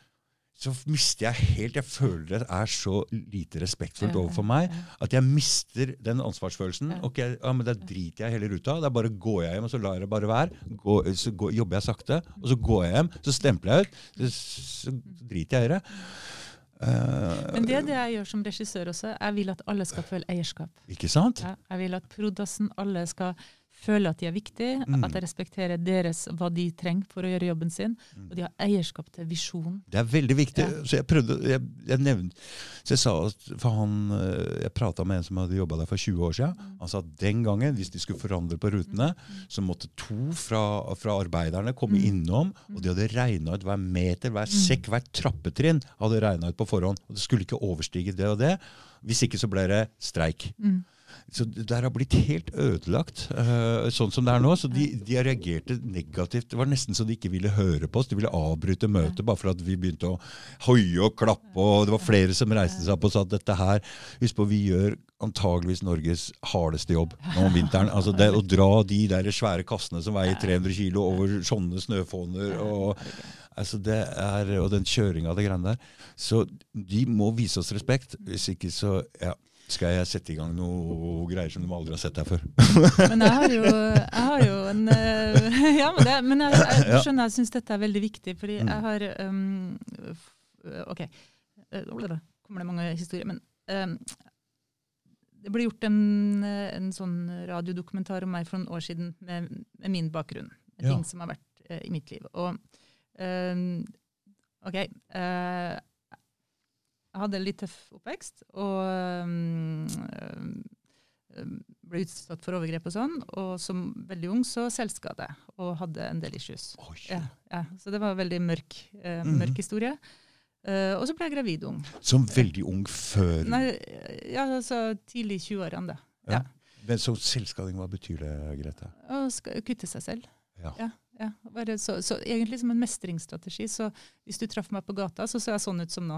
Mm. Hvor jeg liksom smiler, er glad og ordner Mm. og fikser, mens jeg skada meg selv. Um, og det ble veldig alvorlig, for jeg ble gravid. Og, så det morsomme da var at jeg jobba litt som modell også, så jeg, jeg var på en måte eh, Det gikk reklamefilmer med meg på TV-en samtidig som jeg selv skader meg selv, og er gravid og aleine. Og det var bare sånn Halleluja.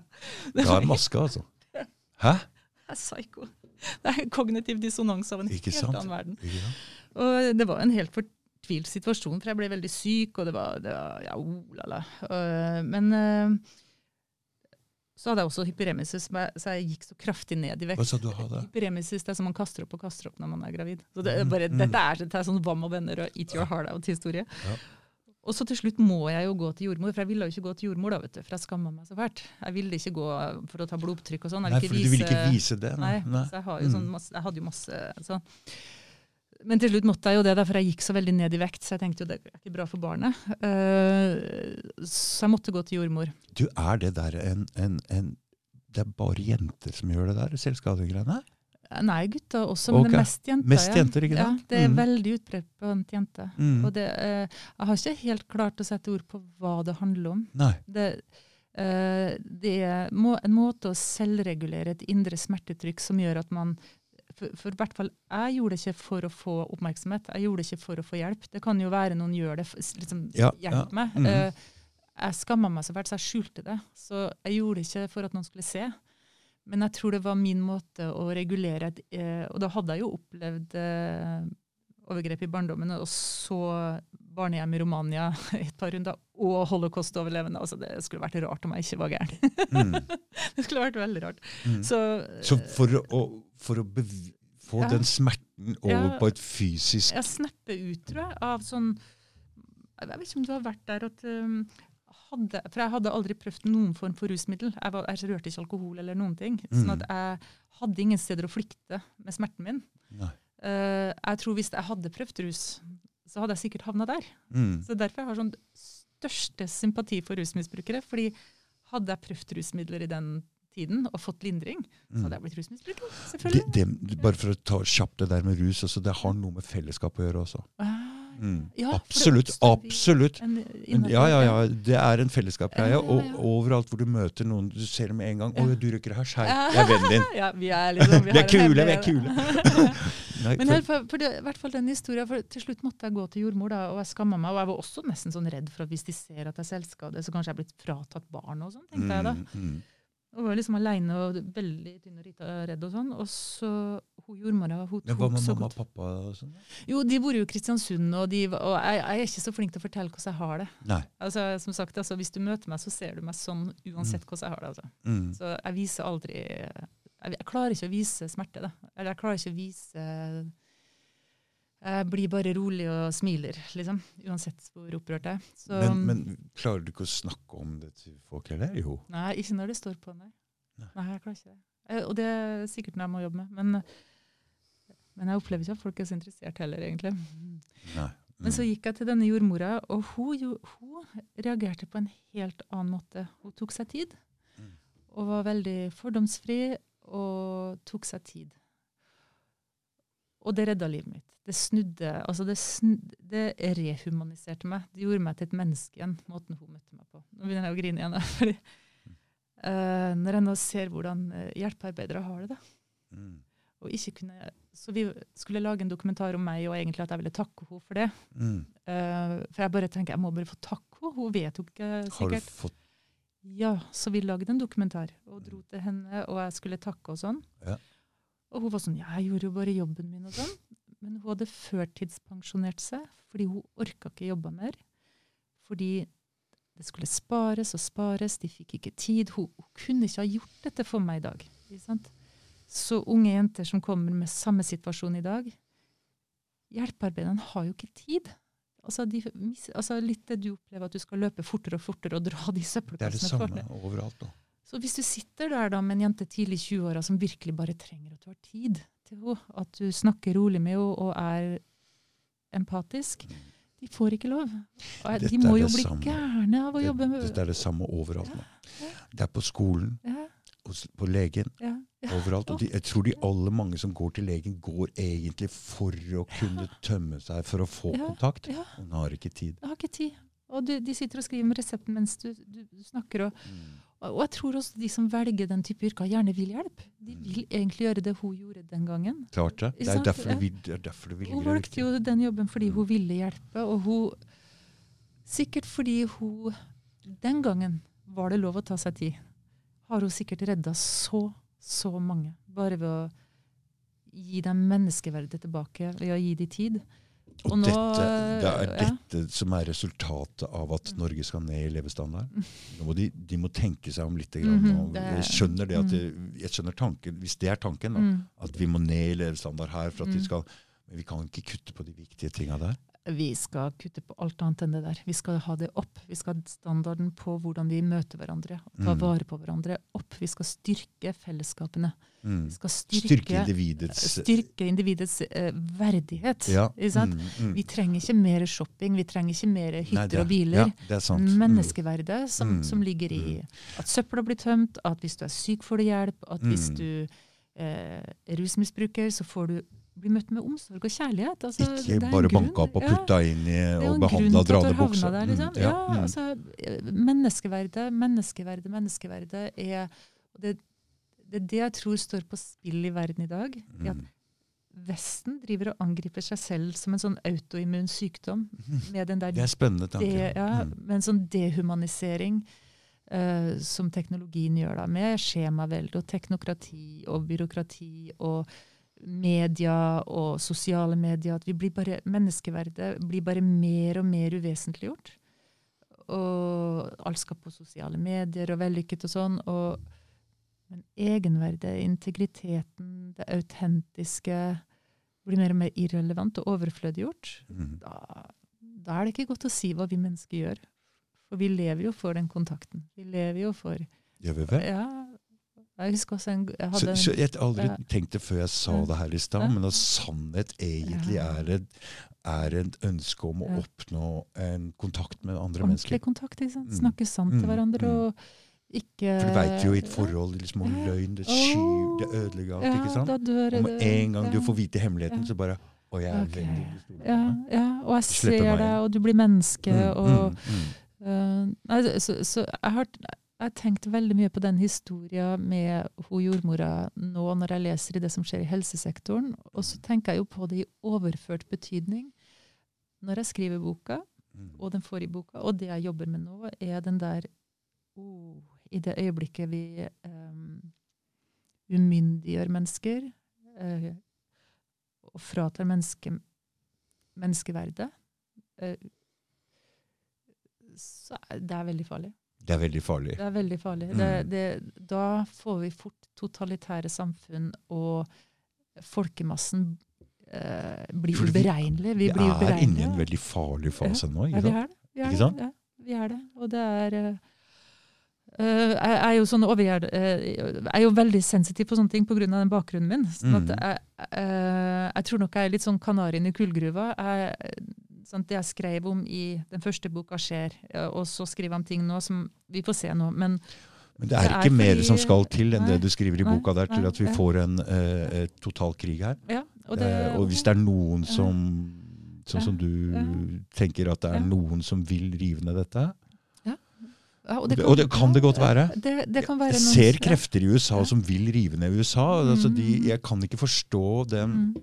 Ok, så når Trump tok over makta der, så Mm, ville han mm. jo splitte Russland og Kina. Det var ganske Mm, tydelig. mm, mm. Han eh, prøvde på en måte å bli litt venner med Putin, og så kom den Russiagate-greiene midt i trynet. Det skulle vi ikke ha noe av. Han skulle ikke der, for det var allerede den krigen i Ukraina den konflikten med Russland allerede bestemt. Interessant. Det har, sånn har jeg ikke tenkt. Nei, og, og, og så, sånn og så um, men, men han ville jo ha Kina som fiende. Men han ville splitte Russland og Kina. Men nå blir jo Russland og Kina drevet sammen, og det er jo ødeleggende for USA. Oi, oi, oi. Det er så skummelt. Så det er krefter i USA som vil bryte ned, Ja.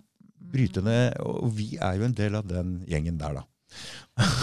Det, det, Dessuten så Det er eh, har jo de eh, på en måte Altså, De har uh, lagd så mye krig og faenskap. Så jeg vet ikke, De har trodd de har gjort det riktige overalt. I kampen på hva, kommunisme eller å støtte diktatorer og rev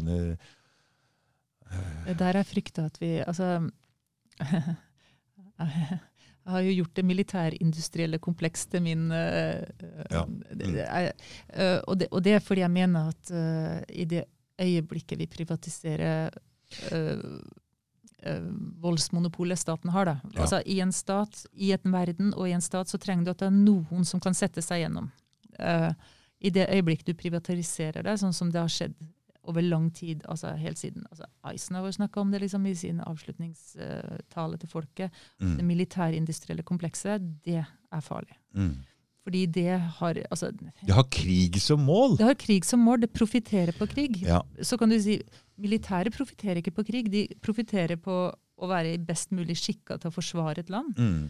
Så vi vil ikke privatisere krig. Vi vil for all del unngå privatisering Men av i krig. Irak-krigen så skjedde det der. Det skjedde veldig. Ikke sant? Det var private kontraktører som gikk inn og Mm. tok seg av mye av den krigen ja, der. Ja. Og det, eh, det er det vi ser konsekvensene av nå. Det har jo vært da tydeligvis et Og problem da er ikke lenge. grensene Da blir det litt annerledes hva man kan drive med. Mm. Og så ser man at disse eh, Ta f.eks. Eric Prince, Steve Bannon, som viser seg å ideologisk være mye mer på linje med Dugin, som jo Putin har som sitt intellektuelle forbilde. ikke sant? Så plutselig ser du at OK, så nå, nå, sitter du egentlig med krefter innad i Vesten som vil ha krig. Uh, som kommer helt opp til maktens tinder. Og vi så det under Bush, Dick Cheney og alt det der. ikke sant? Eh, Det er jo Båndene til det militærindustrielle komplekset har jo vært eh, uetisk og farlig lenge, men nå har det nådd helt altså Den amerikanske økonomien mener jeg jo er så knytta opp mot det militærindustrielle komplekset at jeg vet ikke hva som skal skje. på en Mm, måte. mm. Og de er jo så ideologiske òg. De har liksom en sånn Ja. Mm. Du sa til meg at du visste det kom til å bli krig, da. Før. Nei, nei, For du så på aksjekursen? Ja, ja. ja, ja. Um, jeg fulgte det, det er bare et tips jeg egentlig fikk. Jeg, jeg var litt fascinert av hun der Eva Jolie, som var norsk som korrupsjonsjeger. Ja, ja. Eh, og, og, hun eh, eh, Man bruker å si som krimmysterier 'cherche la femme', finn kvinnen som står bak alle ting, men hun sa 'følg penga'. Mm. Og se hvor, hvor går eh, økonomien. Og jeg kan ingenting om økonomi, men jeg, jeg følger nå med på disse største private militærindustrielle Aksjekursene. ja, øh, og, og ser at øh, under covid så gikk de opp, opp, opp. opp. Det er veldig merkelig. Det er jo ikke mulig, fordi nå har vi jo lockdown, så nå må jo dere liksom tenke oh shit, vi kan jo ikke krige. Ja. Ja. Men OK. øh, og så når de da trekker seg ut av Afghanistan, så tenker jeg ok, nå mista de jo hovedbusinessen sin. Dette er jo, ja, nå blir- går jo deres kurser ned. Nei, det gjør det ikke. Men la ikke dem igjen veldig mye våpen når de dro? Jo. Shit, jeg syns så synd på afghanere. Altså. Det er, tenk å være født der, du. Og, Du, Hva er det med det landet som har vært okkupert av Russland og USA? Det virker som de har litt, Hvor mange år er det på, på hver? Det er sånn liten sånn Er ti år der, og så ja, er det ja, ti år og Og 20 år, liksom. Er det 20 år på hver, eller er det 20 år til Russland? Ja, nei, 10 år på Russland og 20 tror jeg på Det kan vi jo sjekke. Ja, men det er, det er vel Russlands tur igjen nå, da? Ja, mm, I Kina Men- nå, da, sikkert. For det, ja, ja, Det grenser jo liksom det. Ja, ja, ja, det er Kina Ja. sin tur. Mm. Men, men det som eneste Det er jo ikke mye der. Det er et fjelland, det er noen Ikke så mye Men det er verdens største opiumsprodusent. Det syns jeg er litt mistenkelig. Det er eh, veldig eh, Det er eh, Fordi mm, hvis vi går litt bakover i tid og ser på opiumskrigen, Ja, ja. hvor kineserne ble altså han, Keiseren nekta å ta imot mer opium. Ja. Og bare England sendte den der østindiske flåta si og bare bomba keiseren til bare Nei, opium skal dere ta imot! Så opium har vært altså de, Og disse folka som satt og tjente penger på det den gangen, det er jo adelsfamilier eller rike folk som ennå sitter med mye makt. Um, konsentrasjon av makt og ressurser. Og, Så det er jo en business uh, basert på like mye lidelse som krig, eller? ja. Hæ? Ja, ja, er jo gæren. Ja, opiumstrade. Altså, men hele det, det er den der konsentrasjonen av makt. Og jeg syns det er veldig fascinerende med Afghanistan. Why Afghanistan? Liksom. Eh, Men det ligger jo i grenseområdet mellom øst og vest. Det er jo eh, Kina, Russland, Vesten Ja, ah, nå er jeg som skrøt av at jeg kunne det her. Um, så, så det er jo men, men her er det jeg lurer på, og som jeg er opptatt av Hvorfor har vi satt Vesten opp mot resten? Hvorfor er det liksom øst og vest? Hvorfor har vi lagd Hvorfor er Vesten skal krige i Afghanistan for noe? Altså, hva, hva kommer det til å ha blitt en sånn konflikt der? Mellom øst og vest i verden? Mellom nord og sør, for så vidt også. Du, um, det, det var helt rett i det som skjer nå, for det var Vesten mot resten nå. Ja, ja, ja. Og, så jeg pratet med noen pakistanere når de fortalte at det var eh, full eh, Masse demonstrasjoner i Pakistan og full kaos der. Mm. Han eh, Jeg husker ikke hva han heter, han der eh, sjefen der som var, ble avsatt for et år siden. Han var og besøkte Putin og sa nei til Afghanistan. Han Khan? Ja, Imran Khan? Ja, Imran Khan. ja. Sa nei til eh, Nato, eller amerikanske ja, ja. baser og sånn. ja, ja. Da Ja, ja, ja. ble det fort militærkupp der, altså. og, så, og vi ser jo India nå lurer litt på å bytte side. Så, og dette skjedde Jeg lurer på om Russland på en måte gikk inn i Syria og sa at Assad sitter. Mm. Så var det en sånn Oi, Ja. kan de virkelig få lov til det? Mm. Mm. Og Det jeg er vet ikke. Det, det, altså hmm. Ja, dette Fordi det er mange som er lei av det amerikanske Ja, det eh, innblandinga Ja. overalt. Hva skal til for at man eh, skaper en eh, stabil Jeg tror den der Må det, bli, må det bli et smell før Ja. vi klarer å komme Ja, det, er det, det er det jeg går rundt og tenker veldig mye på. er det, hvor er vi på vei, og, og hvordan kan man hvordan Få roa ned dette igjen. dette igjen. Ja. Uten at det skal bli en Mm. For akkurat nå er det så tens. Akkurat nå er spenningsnivået i verden så høyt at det skal egentlig bare en sånn eh, ting som jeg skriver om i du, boka. jeg, lage tror, jeg tror du har eh, rett, for Ja. dette her har jeg egentlig gått og sagt for mange, mange, mange år siden. Mm. Hva er greia? Hvordan skal menneskeheten klare å komme lengst mulig Mm, med mm. færrest mulig ressurser Mm, og mm, sånne ting? Mm. Ja, vi må bli et, en verden, ett folk. ja, ja, ja, eh, Så vi, da kan vi se så mye ressurser har vi. Sånn, sånn, sånn. Og så ser jeg på verden, det er umulig. Hvordan skal det skje? Ja.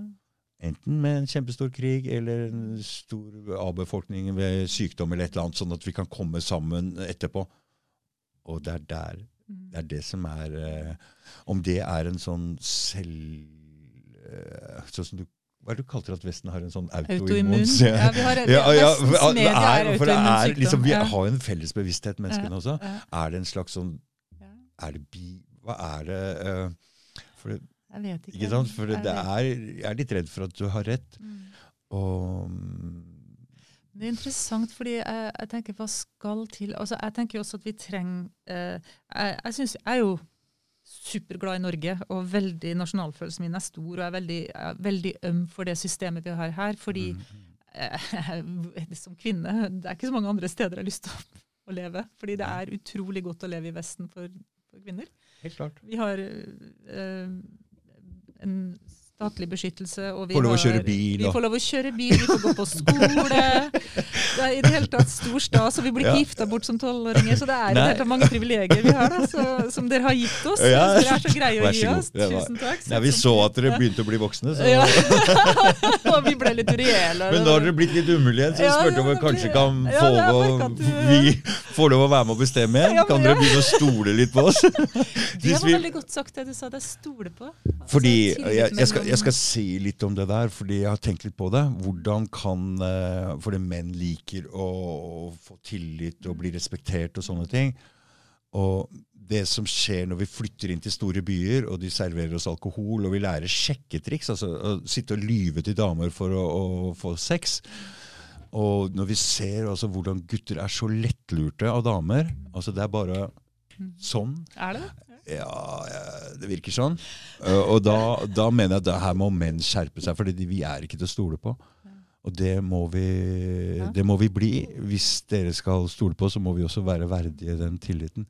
Så vi har en liten, liten jobb å gjøre her. Vi må begynne å oppføre oss litt ordentlig. vakkert. Det er veldig vakkert, det budskapet der. Mm. Jeg tror eh, Litt tilbake jeg forteller, så ble jeg alenemor ung, og jeg tenker jeg klarer alt sjøl. Veldig norsk, da. Sant? Jeg Mm. fikser dette sjøl, jeg kan forsørge meg sjøl. Jeg ordner, jeg fikser. Og så, og så merker jeg det hadde vært greit med en mann.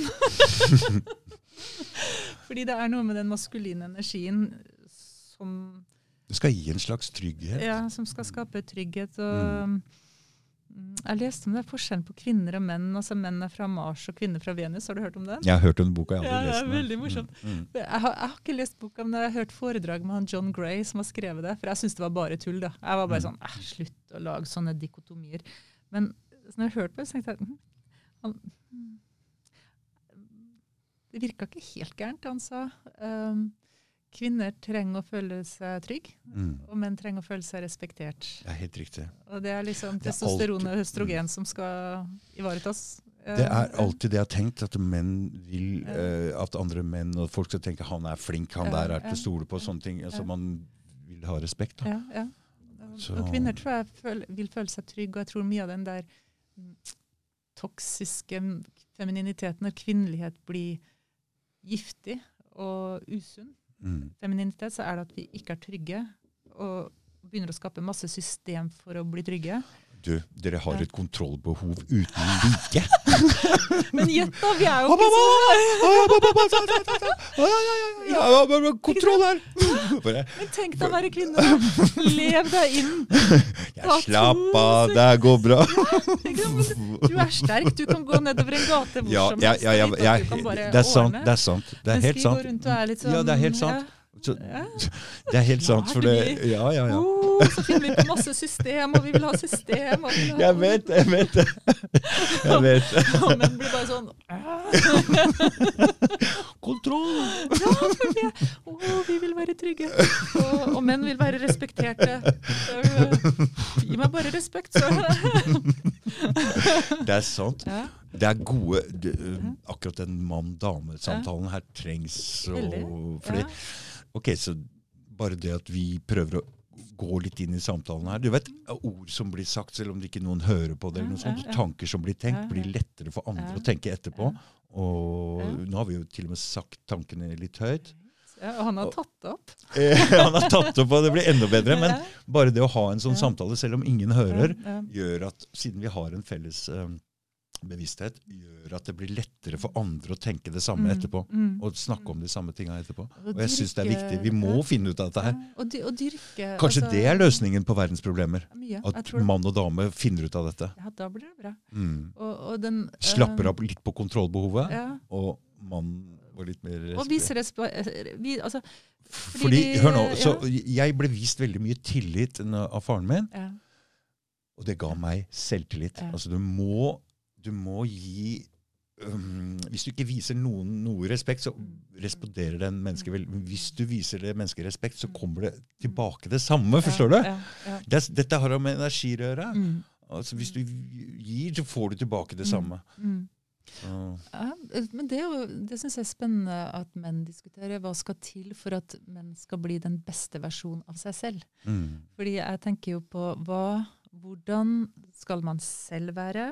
Hvordan skal man være i møte med andre? mm, Og hvordan skal samfunnet organisere seg for at vi skal bli den beste versjonen av oss selv? mm, Hvert enkelt menneske individuelt og som kollektiv. Altså, Hvordan skal den kollektive psyken bli den beste versjonen av seg selv? mm, Og, og det jo å finne den um, ja, Vi snakka om i media overalt nå, veldig respektløs tone. mm, Uh, hvis det er veldig sånn harde byråkrati, så er det veldig dehumaniserende for menn og kvinner. mm, Og mm, følelsen av utrygghet eh, ikke bra for damer. Da blir vi eh, kjipe.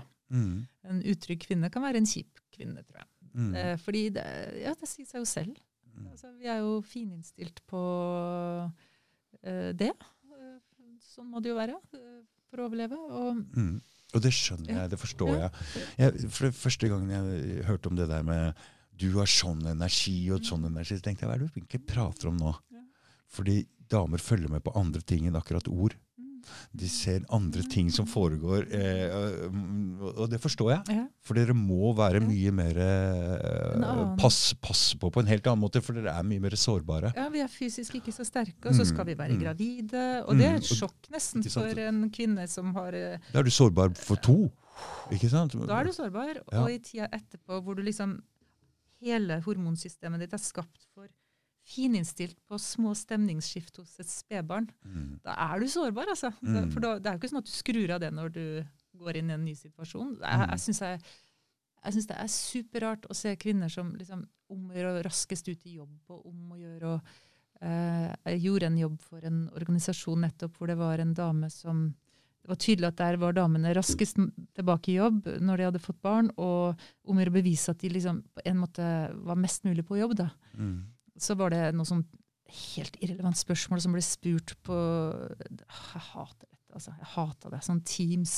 De skal være på Teams hele tiden. Og sånn. Mm. Og så var det et helt dustespørsmål som man kunne tatt neste uke, for den saks skyld, som ble stilt til denne ene unge kvinnen som er sånn Ja, jeg henter barn i barnehagen nå, jeg svarer om ti minutter. Mm. Hvor jeg blir sånn What the fuck, du henter barn i barnehagen. Barna har venta på deg hele dagen. De gleder seg, de skal fortelle. Mm. Og så skal mor på Teams og svare på noe. altså, Det er jo ikke femin... Altså, skal ikke Hvor ble det av det der genuint om, altså, den, Hva er det viktigste? Hva er det viktigste? Hva er det viktigste? er det? Jeg ble helt Jeg var sånn men, men det var jo sagt til henne så, for å vise at hun var en god arbeider. Mm, altså, at, hun, mm. at hun var logga på. og Mm.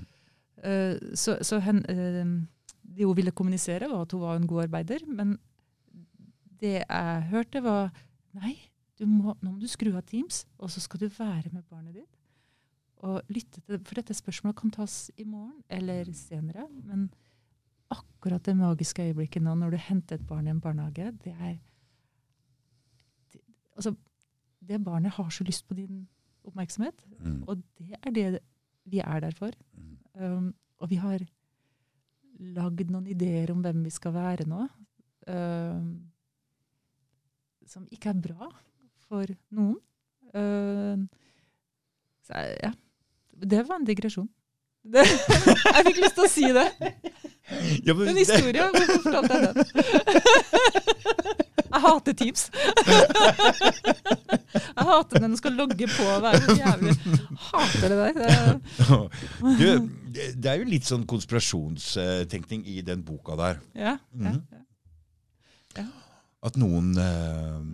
men, men, men altså um, hvis, ja, altså, hvis jeg hadde trodd at ingen prøver å planlegge eller prøver å styre eller kontrollere noe som helst, alt er bare helt tilfeldig. Jeg hadde blitt kjempe... Da hadde jeg Ja.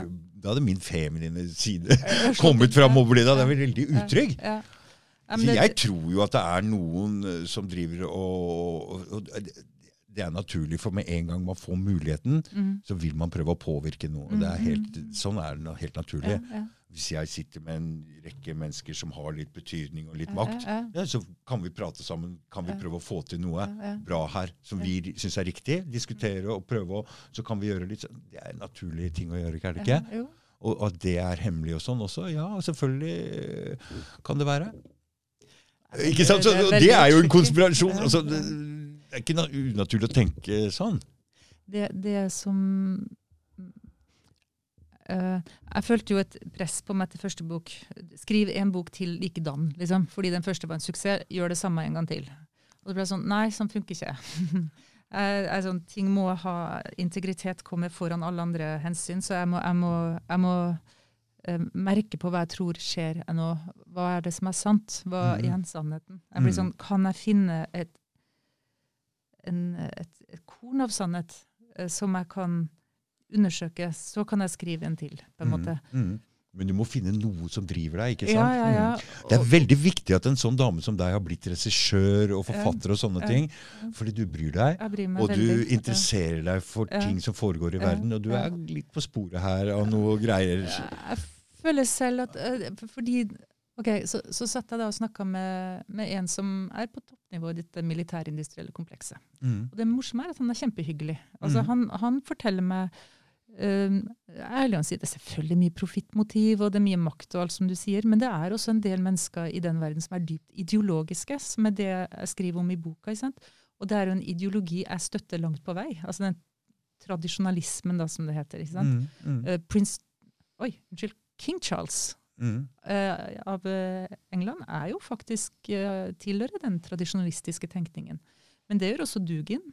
Og det gjør også for så vidt uh, Eric Prince av banden. Mm. Så du har liksom veldig fredfulle, snille folk. Du har veldig sånn Hva skal jeg si Tilbake til jorda og familien og enkle mennesker. Mm. Ja. Mm. Men også uh, ganske destruktive krefter. Så du har ganske, en, en hel paraply av mennesker som har blitt enige om at de ønsker litt enk... Altså, de blir enige om noen ting.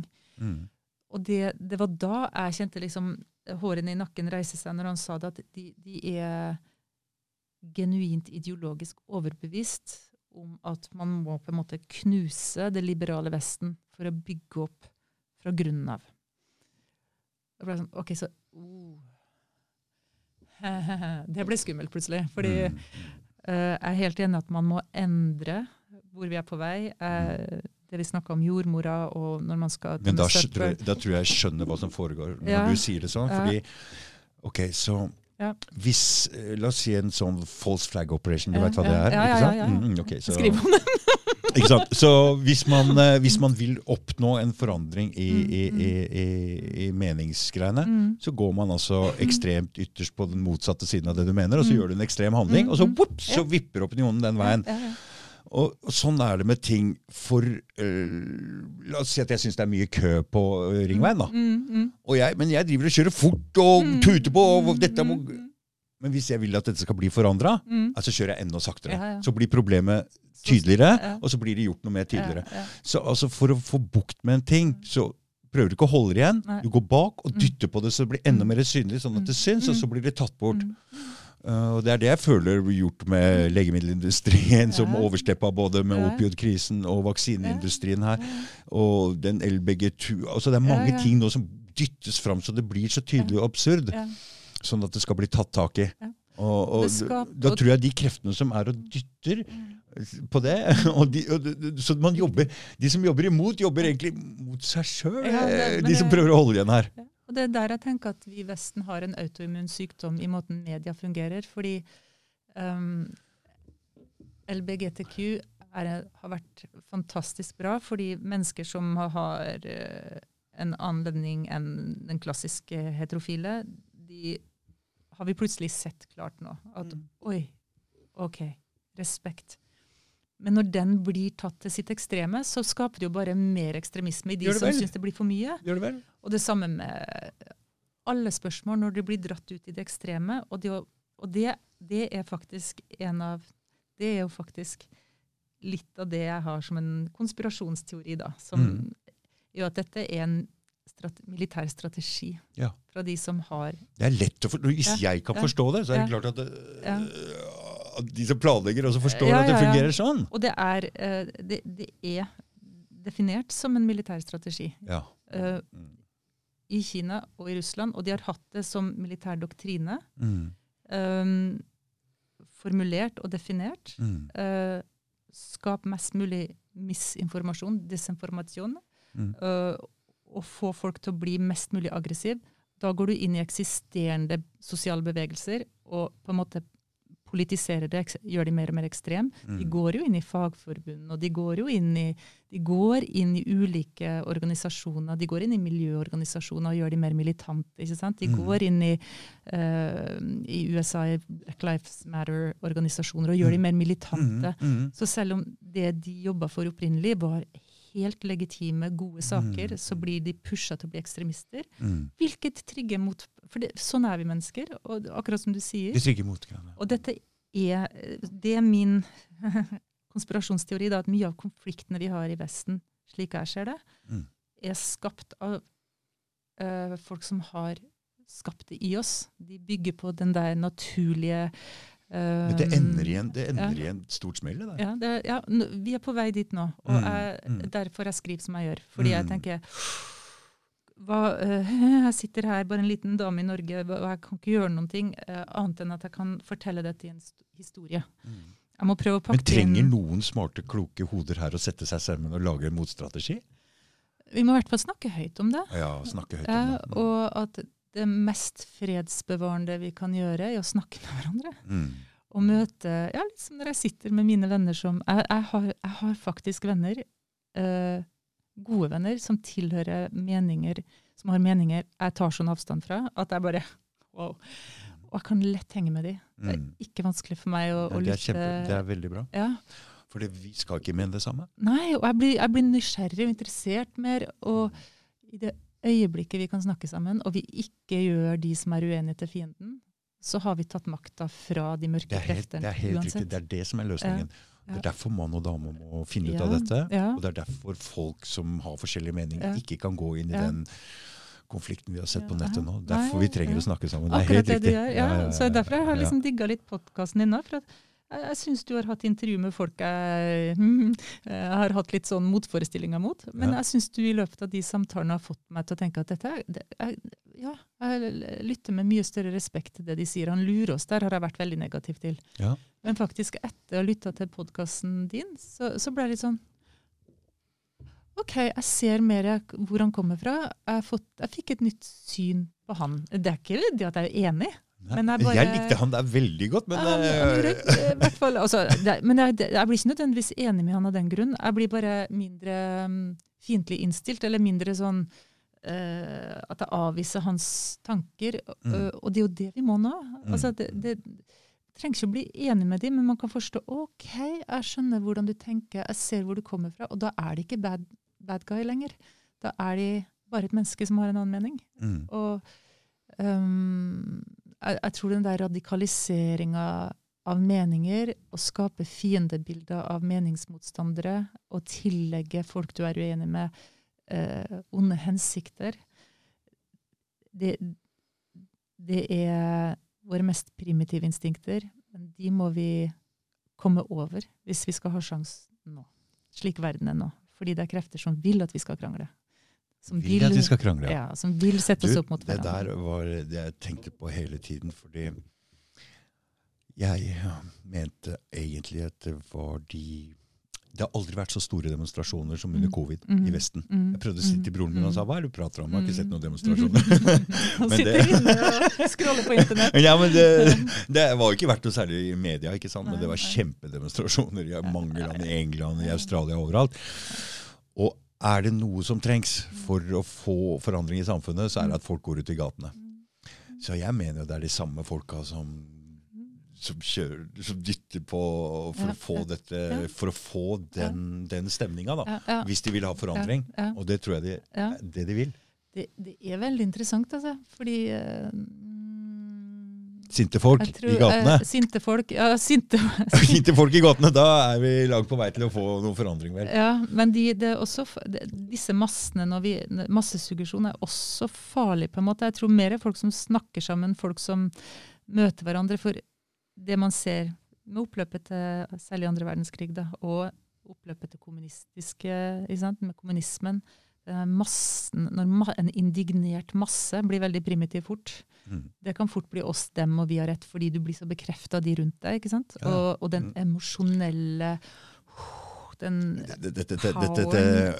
Dette, er noe som er innebygd i menn. ok? Mm, Det har mm. noe med nasjonalisme å gjøre, men det, du kan se det bare på et fotballag. Eh, Mm, mm. hooligans, alt mulig. Det er oss mot dem. Det. Selv om det på en måte bare er litt lek der, og kanskje litt slåssing inniblant. Det har vært før, i hvert fall. Det Men er, ja, det er lov å slåss bare hold dere der, og ikke kom hit. Ja. Nei, så, så, så det er en sånn, det er en sånn protektorgen som er inni menn. Eh, og den er veldig lett å fyre opp under. Er som heter Jamie Wheels som har skrevet om det der. Som, han, han er nevrologisk antropolog. Som, eh, han er opptatt av eh, egentlig hvordan samfunnet utvikler seg basert på hvordan de er biologisk lagd. Mm. Og oksytoksin, som er et hormon i oss, som egentlig er det som handler om at man eh, Det hørtes litt Kjærlighet. gift ut, og litt det er, Toksin? Toksin er jo ikke bra. Men, Nei, eh, og oxy hørtes ut som noe uh, Oxycontin. Ja, ja. Ja, Oxycontin tror jeg er en etterligning av det ordet her. Jeg at da skal vi... Men oksytoksin er egentlig det som eh, utløses i kroppen etter en orgasme. Eh, Mm. Og et, når bar, mor gir sitt barn, så utløses masse oksytoksin, som er sånn bonding, human bonding. Oh, ja. Det er når vi bindes til hverandre og føler kjærlighet og sånn. Mm. Men hos menn, altså, men, han sier da, jeg vet ikke om det er riktig, men hos menn så oppstår det også beskytterinstinktet. Mm. Så når menn føler veldig fellesskap og veldig sånn, sånn så skal de også beskytte. Så Mm. da blir jo den Ikke sant? Den inneholder noe annet Ja, også. Noe annet også. Mm. Um, og det var interessant når han sa det, for han sa at det er det, er det farlige med kulter. Han er opptatt av hvorfor det oppstår kulter. Sånn, kul- forska Ja, på fordi, hør nå, kult. så. Inni den beskyttergreia, Mm, den mm. kjærligheten, så foregår det også en, en, eh, ja, en sinne, et Ja. slags sånn Da blir de der ute litt, eh, skal beskytte litt. ja, og, den kan slå for, for, Ja. for en Hvis den manipuleres, hvis den manipuleres i en mann, da. Hvis, hvis den er sunn og god, så er jo det det vi vil ha. Mm. Vi, vi vil ha de beskyttende mennene Mm. som er rolige og sterke og beskyttende. Mm. Eh, da er det en veldig sunn uh, beskytt, maskulin beskytterinstinkt. Mm. Når den blir usunn, så er den jo farlig. Ja, ja. ja. Da, er det jo, da ser de jo disse ekstremistene. Ikke sant? Og i, i, i sin Den gjort Den kan weaponi, bli weaponized. Altså, Du ser jo hva det blir i krig. Hva er det? det er det. Akkurat det. Det er det, det krig er. Så det sinnet som er inni en mann, er mye dypere og sterkere og farligere enn en dame. Det er, eh, det er noen greier der, noen sinnegreier som Ja, For damer har det like ille, men vi, blir, eh, vi, vi kan jo ikke gå og slåss på samme Dere måte. går opp et trinn, vi vi- går ned i en ja, slags ja. Ja, og vi kan bli mer manipulerende og Mm, mm. Eh, altså jeg tror kvinner og menn er like snille og like slemme. Vi har like ulike egenskapene. Biologisk har vi litt ulike funksjoner. Og så har vi lært nå gjennom Hvis det er noe LBGTQ har lært oss, så er det at ok, det er mye mer flytende enn vi har trodd før. Så dette er, Ja, ja. litt Ja, det er klart. det er mye mer flytende enn vi har trodd. Men grunnleggende sett så har vi litt ulike roller å spille. Og uh, når man ser på den biologiske reaksjonen vår, så, så er det i hvert fall noe i den uh, um, Det er lett å manipulere mennesker hvis man kan disse tingene. Mm. Og at, jeg tror den der uh, å bygge um, Du snakka om at rusmisbrukere opp for et fellesskap. Det og i Det fengsel kanskje et fellesskap. I disse organisasjonene, en eller annen civil rights, et eller annet organisasjonene i religion. Det er oss mot dem, vi Mm, har rett, dere tar mm, feil. Det er deilig opp til et visst punkt.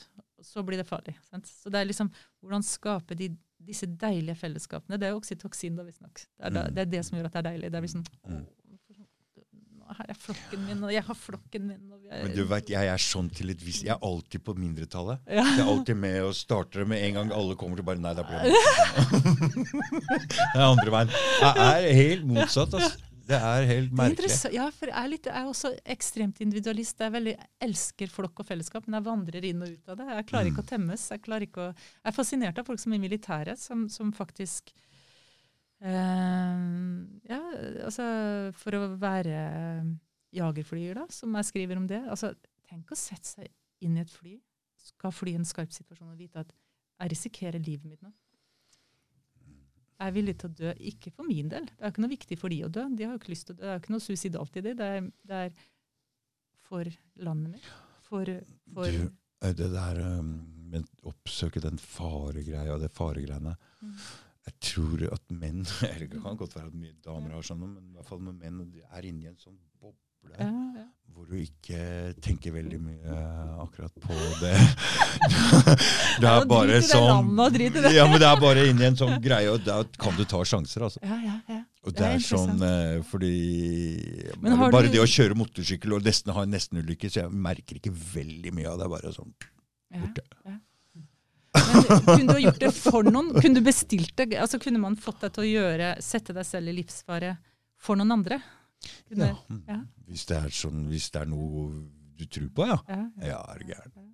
Jeg har alltid spurt etter hva er greia mi her. Hva skal jeg, hvor er egentlig Hva er eh, Det har jeg spurt eh, hele tida. Ja. Nei, Har jeg ikke noe oppgave? Få en oppgave her. Ja, Skal jeg og samle kongler, eller hva er, ja, ja. hva er greia? Men oppgave, jeg skal gjøre den. Ja, ja, ja. Det har jeg sagt for det. Jeg er villig til å, å gjøre det. Det tror jeg egentlig alle menn er ute etter. Et eller annet viktig å få gjort. Dette skal jeg gjøre skikkelig godt. Ja, men uansett om da- eh, hva det skal koste, da. Ja.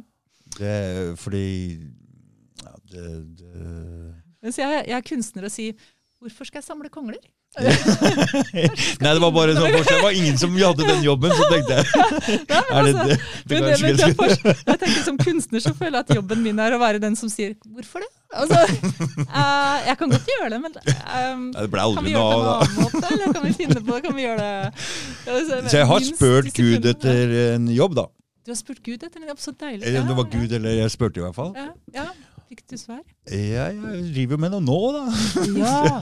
ja så, så, Så, og, og, og, og jeg føler jo det at jeg tør å si ting som ingen andre tør å si hele Ja. tida. Så, så det er en litt sånn spesiell rolle, fordi jeg er ikke noe redd eller Nei. Men du, er du religiøs? Du har Gud? Siden jeg nevnte det Ja, ja, ja. Jeg veit ikke hvorfor jeg nevner det der med Gud hele tida, men det begynner å bli mer og mer litt sånn relevant. Men hva Gud er, det kan vi jo kanskje diskutere litt. Men at vi har en Hvis det er sånn at vi er lagd i Guds bilde, og det greia der at vi skal et eller annet sted, at vi har en felles bevissthet, kanskje ikke bare menneskene, men hele greia her. Men, for det, men da er det jo en kraft og noe som kan dra i deg, og en eller annen oppgave som kan hjelpe til å få dette framover. Eh, Jeg, jeg en eller annen, et eller annet som jeg, jeg føler ok.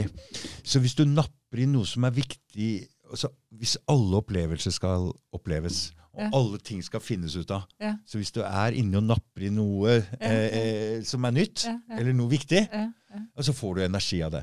For da hjelper det med menneskeheten Ja. framover. Og da, kall det hva du vil, eh, men Men tror du folk flest hva, når, ok, når du var kriminell, da du var Mm, kriminell, mm. var det fordi du ikke hadde fått en oppgave? At alle disse kreftene dine, all denne voldsomme kraften din bare løp i alle retninger? Og at du, når du spurte Gud hva er min oppgave, så kunne du bruke alle de kreftene til noe? Ja, den gangen. Jeg vet ikke. Da, men jeg, du, ok, så jeg er ikke så veldig redd for noe, ikke sant? Og så da kan gjøre ting som Ja, det her var ikke noe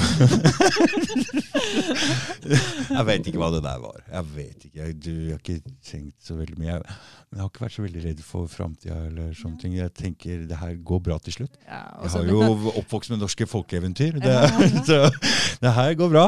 Så Men det er sånn gjennomtraumatisert, så jeg tenker det går til helvete uansett. Så jeg kan like godt være positiv og lage noe vakkert ut av reisen så lenge vi er her, for vi kommer til å dø. Og det beste er å ha det best mulig. Ha, for jeg, jeg har veldig også den der um, Jeg har barnetroen min, så jeg, har- jeg har også den der Jeg har ikke snakka med Gud, men jeg har en sånn sterk følelse av et kall Mm. i alt jeg gjør. Jeg har en følelse av at jeg har et kall, og det er um, Det er viktig. Og det tror jeg mange mennesker eh, savner litt. Klart det. Et kall og et samfunnsoppdrag. Jeg har noe jeg skal. Alle som Eh, nesten har vært innom her, har ja. fått en eller annen greie hvor de har møtt litt motstand, og så har de fått en Jaggu meg skal jeg ja. stå på, dette her er viktig, Ja, dette skal jeg Jeg kaller et samfunnsoppdrag. Dette er Mhm. mitt bidrag til fellesskapet. Jeg kan ikke gjøre alt. Kanskje det er feil, kanskje det ikke er, men det, du vet, ofte Mm. så må feil gjøres før riktig kommer etterpå. Så da, Da kan man ikke. korrigere. Så når jeg føler at jeg kjører i trafikken og kjører sånn, så gjør jeg egentlig feil. ja, ja, ja, ja. Ikke sant? For egentlig, bør egentlig gjøre feil for at det skal bli riktig. Du har et mål, du skal frem, du skal. Så vi kan ikke dømme etter hva som vi, Siden vi ikke veit helt hvor vi skal, så kan vi ikke dømme etter det. Men veien går Jeg tror det er viktig for folk nå i den tida vi har, å føle at man har et samfunnsoppdrag og et kall. Altså et kall om man har det fra sin samvittighet. Hvis man er sekulær, så kan jo bare være Hva er det? Hvis du ikke tror på Gud? ja, sekulær? Ja, sekulær ja. Hva er det andre da? Uh, troende. Tenkte Taste. taste Sekundær? Jeg tenkte er ikke først sekundær, sekulær. Sekulær? ja. Sekulær og teist. Altså det, enten du tror på noe, eller om du ikke gjør. Men det å ha, og det var jo kommunismen. var jo Du tok Gud ut av bildet, men du ga folk en felles visjon. Så, men, men å ha en tro på at man tjener noe større enn seg selv Menneskeheten, da? Ja, menneskeheten. Du, vi, jeg, jeg tror at de menneskene som lever i dag, Mm. det er ikke sluttproduktet. Jeg har jo håp om at vi kanskje kan bli noe voldsomt mye mer enn det her. Mm. Det, ikke sant, inni, Mm. inni én person. At vi ikke kjører med sånn du vet, Tolv mann i en jury, ja. tolv stjernetegn. Vi har bare en tolvtedel av en hel en. Så vi må liksom Mhm, Vi må få mer inni, eh, sånn vi blir litt Det er derfor vi har et sånt drag hele tida. Aldri i ro ordentlig, mer enn korte, korte For vi skal videre, skjønner du. Ja, ja. Og det er jo litt en Eckhart Så mennesket skal utvikle seg. Ja, Eckhart Tolle skriver om det at vi må evolvere eller dø. Mm. Fordi- ja, vi gjør det. Vi kommer til å gjøre. Vi ja, gjør det hele tiden. Vi må, og nå må vi gjøre et lite lip, fordi akkurat nå, Akkurat nå er det et lite lip, ja. Vi Mm. må ta et kjempe sånn puste dypt, og vi, skal, vi må ta en litt større sprang fremover nå, Mm. fordi eh, Men det, det, det er veldig lett, for folk spill. prater om sånne rare ting som fjerde dimensjon og femtedimensjon, ja, uten å skjønne helt hva de prater om, tror jeg.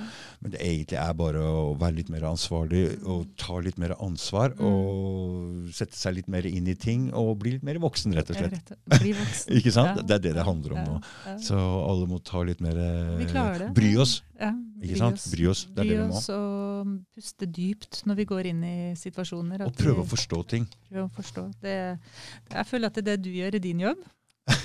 og med, med det du gjør på, med podkast, i aller høyeste grad det jeg gjør med skrivinga mi, at jeg prøver å forstå. Ja. Jeg prøver å forstå de, de som jeg har mest imot. Ja, det er også det er ingen jeg bruker mer tid til å lytte på enn de jeg er veldig uenig med. Oh, ja. Jeg bruker, hvis jeg er veldig uenig med noen, så syns jeg det er veldig artig å høre på dem. Fordi Ja. Da er det noe jeg ikke skjønner, tydeligvis. Da det, da, Øh, og fordi jeg er forfatter og kunstner, så går jeg jo på en måte inn i kroppen deres. Prøver å se verden fra deres ståsted og prøve å merke hvordan er det å være den personen. Uh, vi trenger å forstå hverandre mer og dømme mindre, tror jeg. Du er, er egentlig hele tida som jeg, jeg Ok, så under første, denne første Irak-krigen så var jeg ganske oppgitt over uh, stemninga her i Norge. og alle var bare ja, 'Drep han slemme mannen med barten.' Se, Hva er det han gjort igjen, egentlig? Ja, Titt litt på kartet der. Og han, altså, jeg, må, jeg måtte egentlig spørre utlendinger for å få Ok, de, de, de så det på en litt annen måte. Ja, oh ja, Så det er egentlig en slags øh, Jeg ser på det på en måte fra den andre sida fra Vesten. Det, Mm. så jeg ser litt med andre øyne enn en de øynene som er her. Det er veldig viktig, altså.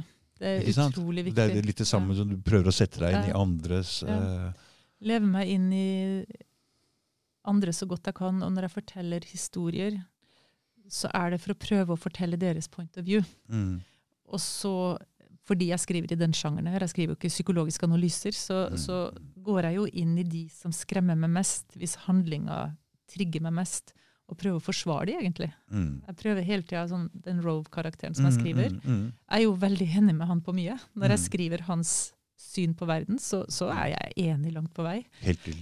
Helt til wow. Så tar noen, kommer han frem til at han skal gjøre noe som er helt For da er det lettere for meg å forstå de som driver verden mot krig. De som har lyst på Du, konfliktvesten, resten. jeg Altså, så et veldig interessant intervju som ligger på YouTube. Og En som heter Edward Griffin, som intervjua en som heter Norman Dodd. Det er lenge siden. Ja. Og lenge før der igjen, altså jeg husker ikke når det var, men kanskje på 60-tallet, 70-tallet, et eller annet sånt, så fikk han beskjed om å sjekke litt om disse mm, foundations. Ja. Altså disse tax-free, disse svære foundations-greiene. Ja.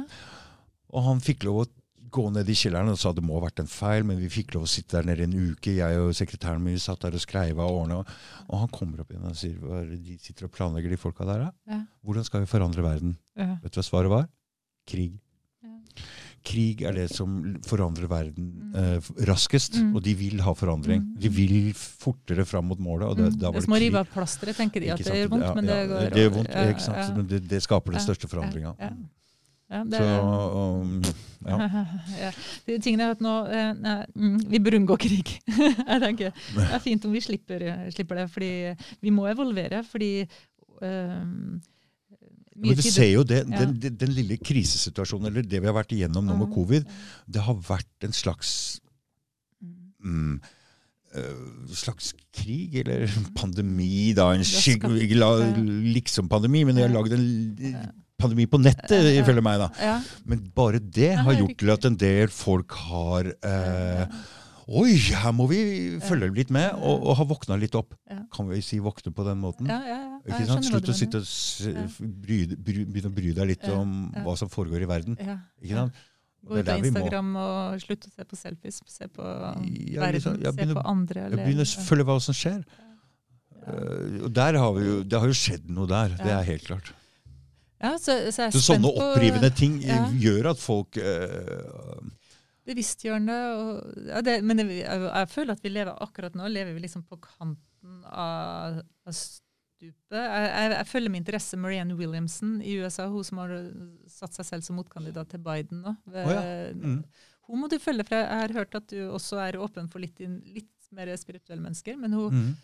Hun øh, er interessant, altså. Mm. For, for det er litt sånn OK, nå er vi helt på kanten av stupet. Dette kan gå veldig galt, liksom. Mm. Det, dette, dette ufattelig vakre vi har skapt i verden, med menneskelige fellesskap og trygge samfunn og sånn, det, det, blir det en storkrig, så er, da er vi så innmari ille ute. For den teknologien og de våpnene vi har nå, ikke bare kinestetisk, ikke bare atomvåpen og sånn, men også det der totale utslettelsen av infrastrukturen. Du, Vi vil ikke nå, gå dit. Ja, for nå er vi inne på For det der var noe i den første boka di med noe Ja. infrastruktur. ikke Ja, sant? ja, ja, ja. Så du hva han Simor Hersh eh, sa om Norge? Nei. At Norge var med å ødelegge Nord Stream 2. ja, det har jeg hørt. Ja, ja. Ikke sant? Ja, ja, ja. Og så Russland hadde svart nå at Ja. ja, så er vi der nå. Oh. Er vi der nå? er vi der at vi kan ødelegge infrastruktur til hverandre? Ja, men da er vi på et annet spill. Sånn er. Russland har svart, altså. Men da eh, Og da eh, Da Konspirasjonsteorier er farlig, da, fordi eh, hvem vet hva som skjedde på Nord Stream? Det kunne også vært Nei, men dette, dette, dette er altså, Ja, ja, ja, det kan det ha vært. Men ok, ja, det kan ha vært det. så Vi, veit ikke. Ikke. Men, men det er svaret fra Russland. Skummelt. Ja. Og når vi veit om både datakabler og alt som ligger nedi der, og de Ja, ja. ligger sårbart. De ligger veldig sårbart. Veldig. Og hva skjer? det er det. Det er også en ting som sjokkerte meg oppe på Svalbard, at de kablene som tar ned alt fra Svalseth. Mm. Altså, Mm. det er verdens største Det er bare å gå, Jakob. bare klippe. Altså, hvis jeg sto ved der kablene kommer på land, jeg står ved, og så hadde jeg en bombe, hadde det vært selvmordsbomber, kunne jeg bare og, Nei, nå skulle jeg ikke si Dette må du klippe bort. Jeg ikke gi det. sånne ideer. Åh, det, det er farlig med sånne som meg, for jeg, for jeg bare snakker. Jeg bare Ja, ja, ja. tenker. ja men, altså, dere, ikke vær redd for det. Nei, Altså, dine tanker som nei, men er Det det- må jo være andre som tenker det der. jeg, jeg tenker liksom eh, For meg som er veldig redd, jeg da, som er veldig redd, motsatt av deg, tror jeg, er bare sånn Alt kan gå gærent. Så jeg bare, første jeg tenkte jeg så de kameraene, Unnskyld, er det noen som passer på her? Er det, er det noen voksne hjemme? Vi, Kan vi prøve å tenke hva som skjer hvis de Ja. blir ødelagt? Ja, for jeg er så um, Jeg elsker det tillitsbaserte samfunnet. Ja. Så egentlig er dette det vakreste med Norge. Kongen skal grunn- ta Holmenkollbanen sånn Ja, som han ja, gjorde ja, før. ja. Kom igjen, ut med kongen!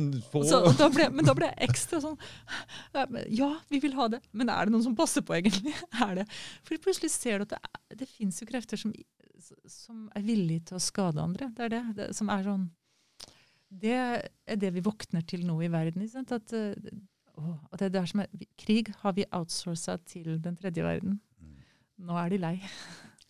Det er sant. De er lei. De er lei, da. De syns det er helt greit at nå kan vi flytte det over hit. Og, Ja. og eh, dette skal vi i Vesten ta på vår kappe. Vi har kriga i den tredje verden. Vi har, de, de, har, eh, de er Og lei. Norge har vært med, Jeg Grete. har vært med, ja. Og eh, Og hvis det er sånn at vi har vært med på det greiene Mm. der i Nord Stream 2, Mm. for vi er Mm. veldig villige Jens Stoltenberg står jo og er eh, talerør altså, den er jo norsk, så, altså, øh, Dette her, og Norge har nå amerikanske soldater på norsk jord. Ja, ja, altså, det- det har jo aldri, og det har ikke vært noen diskusjon om det denne gangen. Nei, nei.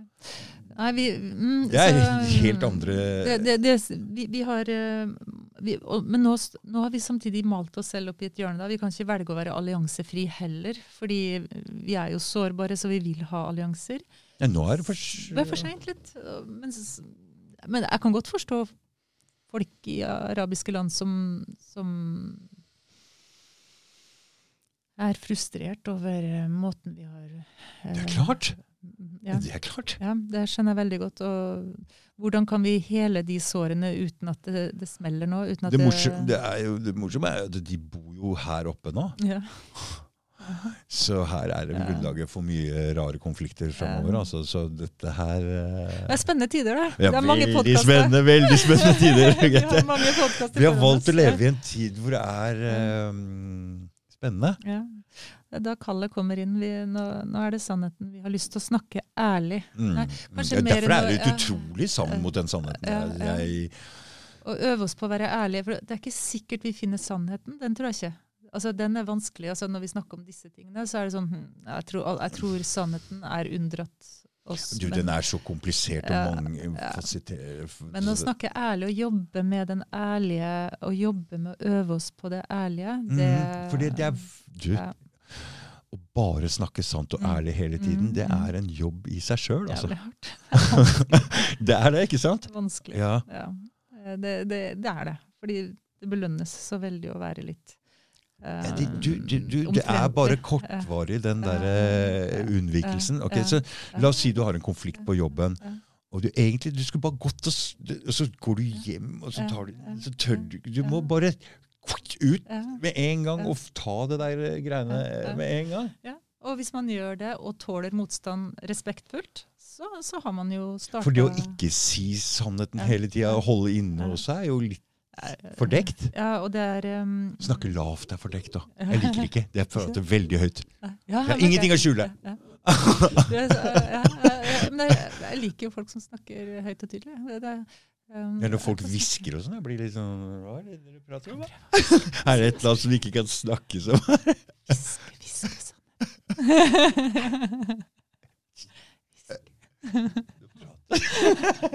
Vi prater som vi ikke hører oss. Nei, men, det, nei, men jeg setter jo pris på det arbeidet du gjør, bare ved å Jeg tror vi har litt sånn felles, eh, felles um, oppgave. Vi har tolka vår oppgave i livet litt felles i Det er form av godt at du drar meg opp uh, og sammenligner meg med deg, Grete. Jo, det syns jeg. Det, altså det.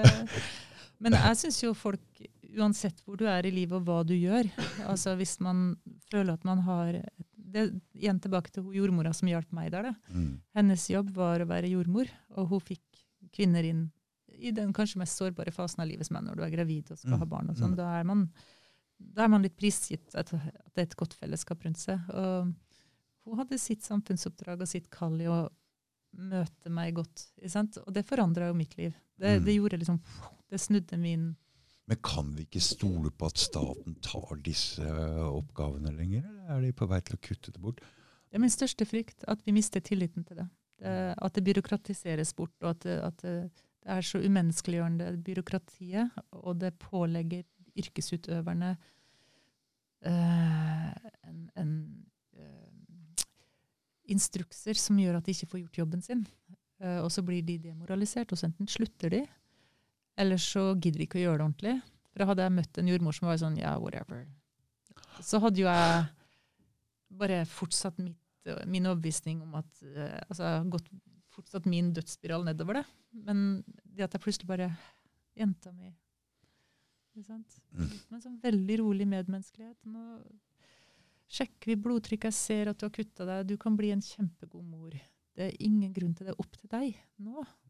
Mm. Det, det, dette har skjedd. Dette er, dette er ditt liv. Dette har skjedd. Nå kan du begynne. Det var sånn, Du, prøv, du, du, sa, du prøvde å forklare litt hva det selvskading-greiene men jeg sett, du, jeg var, Ok, Så jeg var på treninga, og så Mhm. ser jeg en dame, pen dame som har kuttet seg sånn. Og jeg ikke sånn med den podkast-greiene. Jeg går rett bort og bare Hei! Så bra. Ja.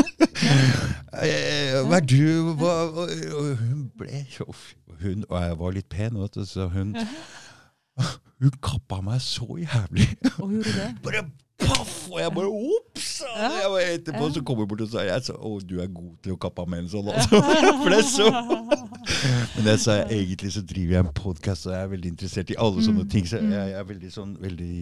Så vi ble litt sånn venner, for hun sa egentlig unnskyld etterpå, men altså som hun Vi kan ha en egen selvskadepodkast. Vi kan ta en egen episode på den. Fordi jeg tror det det er er et- uhyre interessant Ikke sant? For det er mange Ja. jenter som gjør det der. Ja, så er det masse sånn arr oppetter. Ja, ja, ja det ser jeg. Så jeg, valgte liksom, jeg tenkte ok, jeg har det som sånn krigsmerker. Ja. Warrior marks. Altså, Ja. Jeg har overlevd krigen, og den var stort sett inni hodet mitt, men, men dog, den var heftig. ja. Ja, det Velg å Fordi det er interessant, for det er en sånne ting som jenter driver med mye sånn eh, bulimi og sånne ting. Også. det er veldig, ja, det er, det er en sånn damegreie, ikke sant? Mm, Ikke mange menn som driver med anoreksia og bulimi. Og, det har noe med utseendet å gjøre, faktisk. Jeg skjønner jeg har det. For dette er jo det ytre du ødelegger her. Ja. Og det ytre er jo veldig Ja, ja. men fasade, hør nå. Så jeg sitter og titter ut av vinduet. Jeg slår jo aldri gresset på baksida. Så jeg spør folk hvorfor skal jeg egentlig slå det gresset. Og de svarer det er pga. naboene. Og jeg bare Ja, men da kan jo naboene gjøre det, da! Ja.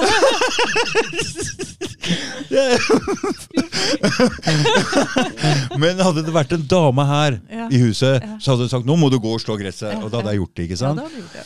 Så fasade er viktig for damer. Ja, det er Og, rart det der, altså. og liksom, og jeg, jeg hadde jo, jeg tror jeg hadde tre speil her, og jeg prøvde å ta bort ett når jeg hadde en dame her. Nei, nei, jeg må ikke ta bort speilet! Jeg skal jo ta disse speilene! Jeg går jo ikke For det her er mye, mye sånn, så mye det. eh, Ja. sånn greie Ja, før vi skal ut med damer. Så det er fasade, ikke sant? Vi Mm. dømmes veldig på utseendet. da. Det, men vet du, jeg har aldri tenkt på det du sa nå, at kanskje det var mitt forsøk på å bryte fasaden. Fordi jeg For dette så er jo en del ja. av fasaden, selv Ja, om det er ja, skjult. Det er helt riktig. Men, dette var veldig genialt sagt, det du sa nå. Fordi jeg har selv ikke klart å sette ordentlig ord på hvorfor jeg gjorde det. Mm. Men jeg tror trykket med å A, ha opplevd overgrep, og så se det jeg så i Romania i to runder, og så jobbe med holocaust-overlevende, og så samtidig skulle ha perfekt fasade Jeg klarte ikke det. Nei, Det det var det. sånn. Jeg vil bryte fasaden, jeg vil ødelegge fasaden. Men, Mm. Men det var ikke noe konstruktiv måte å gjøre det på. Eh, men det var veldig godt poeng. Altså, er det det vi jenter gjør? Vi får kontroll på når vi eh, Det er den fasaden tar livet av oss, egentlig, kanskje. Mm. Oss jenter. Eh, Det her er Hele tida når jeg skal forstå forskjellen på mann og dame, så går jeg tilbake til landsbyen. Hva var oppgaven vår der? For det, ok, Vi prøver å si at vi er like, alt mulig sånn, men hvis vi går tilbake et par-300 år da, til den lille landsbyen og ser hva var oppgaven til med damer hva var det sånn, og Damer skal jo holde Jeg ser hvem som Har du huska på og, Hvem har bursdag nå? Og holde dette her og, og, fellesskapet i orden. Hvem har bursdag? Hvem er hvem? hvem? Det er jo damenes jobb. Da er det også med fasader og hvem Å holde styr på det der greiene der, mens mennene går ut og gjør noe annet. Ja, ja. Og de vil ikke høre veldig mye Ja, ja, ja. I våre klassiske roller. Også, også Det det er for å forstå det, så må vi nesten gå til, Ja. tilbake igjen for å forstå for å gjøre det tydelig. da. Men det er klart at dette overlapper hverandre og har blitt mer utydelig nå. Men det henger jo igjen en del instinkter der. Ja, Som vi ikke er så veldig klar over det. er veldig destruktivt for, for Ikke altså, bare, når- vel? Nei, altså, men jeg tror for, for, for jenter, hvis du lever i en verden hvor ikke grusomme ting skjer, hvor du er trygg, mm. så er jo dette å pynte og stelle For jeg elsker Ja. det. Jeg er sånn superpyntete, stellete, ordnete. Ja. Elsker det. Du liker alt. ting òg, ikke sant? Um, ja, vakre ting. Og de må være Ja. gamle. Jeg vil ikke ha nye ting. Jeg vil ha gamle, brukte sånn ting. men Og det skal være håndverk og ordentlig. Noe som har lagd det på ordentlig. Og, Egentlig har jeg lyst til å kaste alle ting Jeg skjønner ikke hvor de har kommet inn i huset her fra engang. Hvor er de kommet fra? Det, det, det Skjønnhet. Jeg elsker skjønnhet. Oh, ja. Men også, så sånn sett vet jeg at det er litt sånn Det er litt, nesten blitt litt ulovlig selv for kvinner å være kvinner nå, vet du. Fordi hvis eh, eh, jeg, jeg elsker å stelle og pynte og skjønnhet og alt det feminine. Jeg ja, for det blir fint av det. koselig. Ikke sant? Men jeg eier ikke en tøddel av de der greiene i meg. Så jeg klarer, det, og det, det, det tror jeg er en av grunnene til at menn ikke klarer seg så godt alene. Fordi vi er ikke så i stand til å skape et hjem på den måten. Ikke sant? For det, i hvert fall er, og der er, igjen, Jeg regner med at det er forskjeller innad Ja, innenfor kjønnet. Men det det. Mm. jeg vet at det er en sånn ultrafeminin person på det at det er utrolig opptatt av hjemmet og utrolig opptatt av pynting og Mm. stell og stearinlys og friske blomster, og alt skal være sånn. Mm. Uh, så, så kanskje Og, og det, det, Og det er bra når du er trygg. Ja, det trengs et hjem. men når du er utrygg, så blir det plutselig Fordi Kan man leie inn folk som ikke bare skal vaske, men som kan lage sånn koselig hjemme? Nei, Da må du få deg dame. Ja, riktig. Det var det. De gjør det. Gjør det.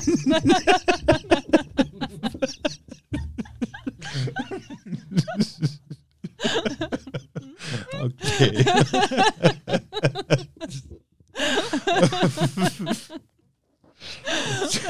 Selvfølgelig. Jeg visste, jeg visste egentlig det.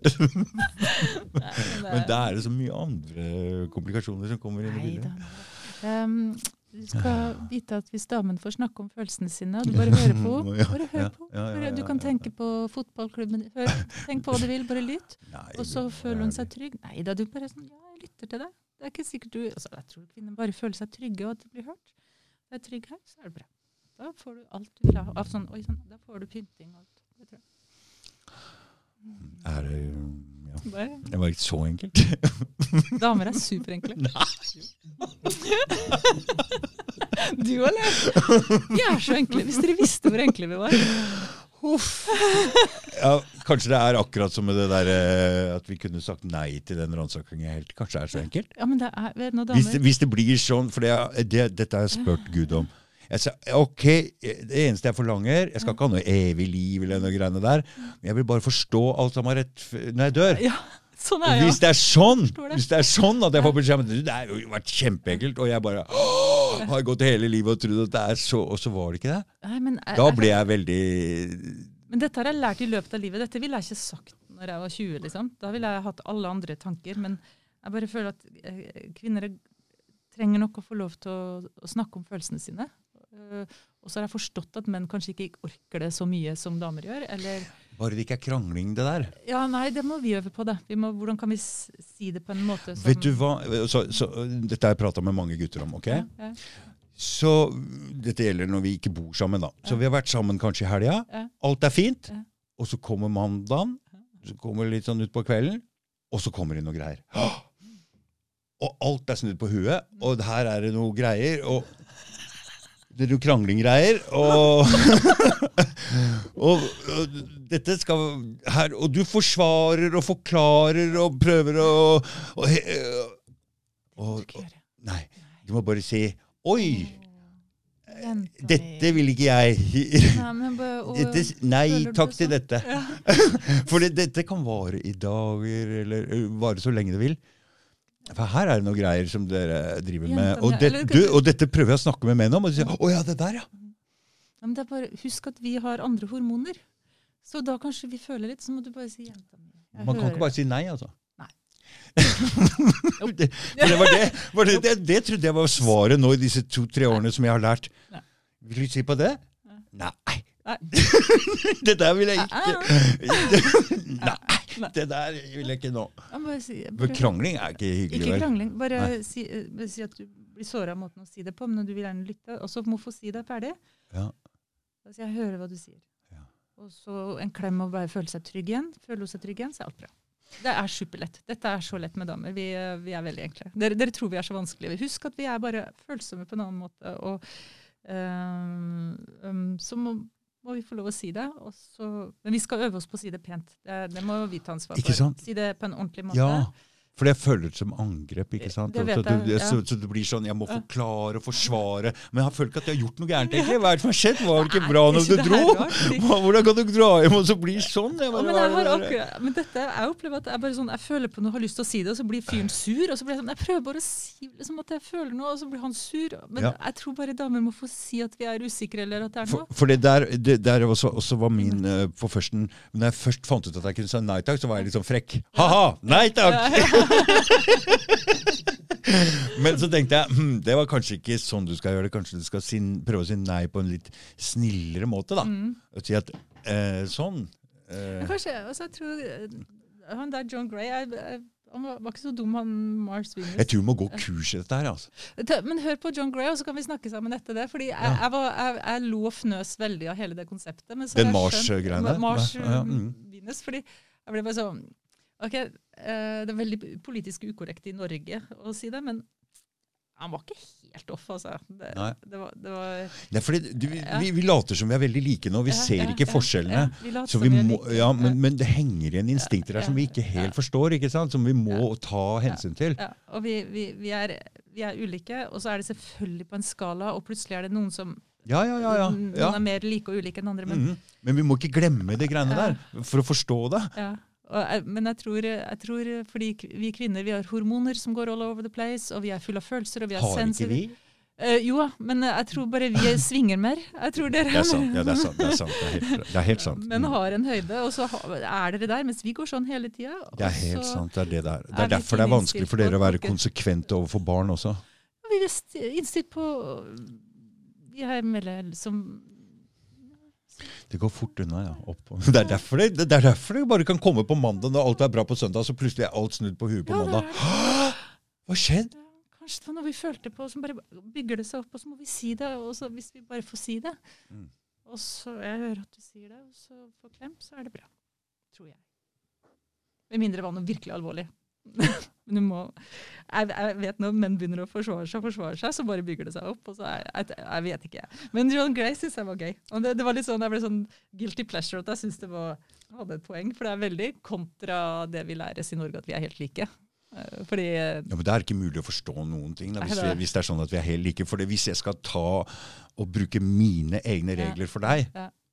da, da forstår vi hverandre Ja. ikke i det hele tatt. Altså, for, for meg er helt andre regler. Ja. Det er sånn, Du skal være sånn ordentlig, du skal si det, døbbel, bob, akkurat som en mann. ikke Ja, sant? ja, ja. Det er ikke samme regler i hele tatt. ikke sant? det- vi er litt annerledes. Det, jeg føler at det er en um, Vi kan ha flere samtaler, vi også, men uh, ja, det er spennende. Det spennende. Jeg merker så snart man begynner å snakke om sånne følelser og kvinner og menn, og sånn, så blir begge sånn Tenk at vi er godt voksne i en evolvert tidsalder, og vi blir fortsatt helt sånn Dette var veldig vanskelig. Ja, det er litt vanskelig. Du, er du, føler du at du kanskje er ferdig? jeg, hadde, jeg hadde en avtale som jeg må rekke etterpå. Men det går bra. Altså, Klokka ni. allerede? Ja. Shit. Takk for at du kom, Grete. Det var kjempehyggelig. Det var kjempehyggelig. Samme Mange forrige gang tema. òg. Ja, Ja. veldig koselig. Og Mm. veldig god samtale. ja. Ok. Ha det.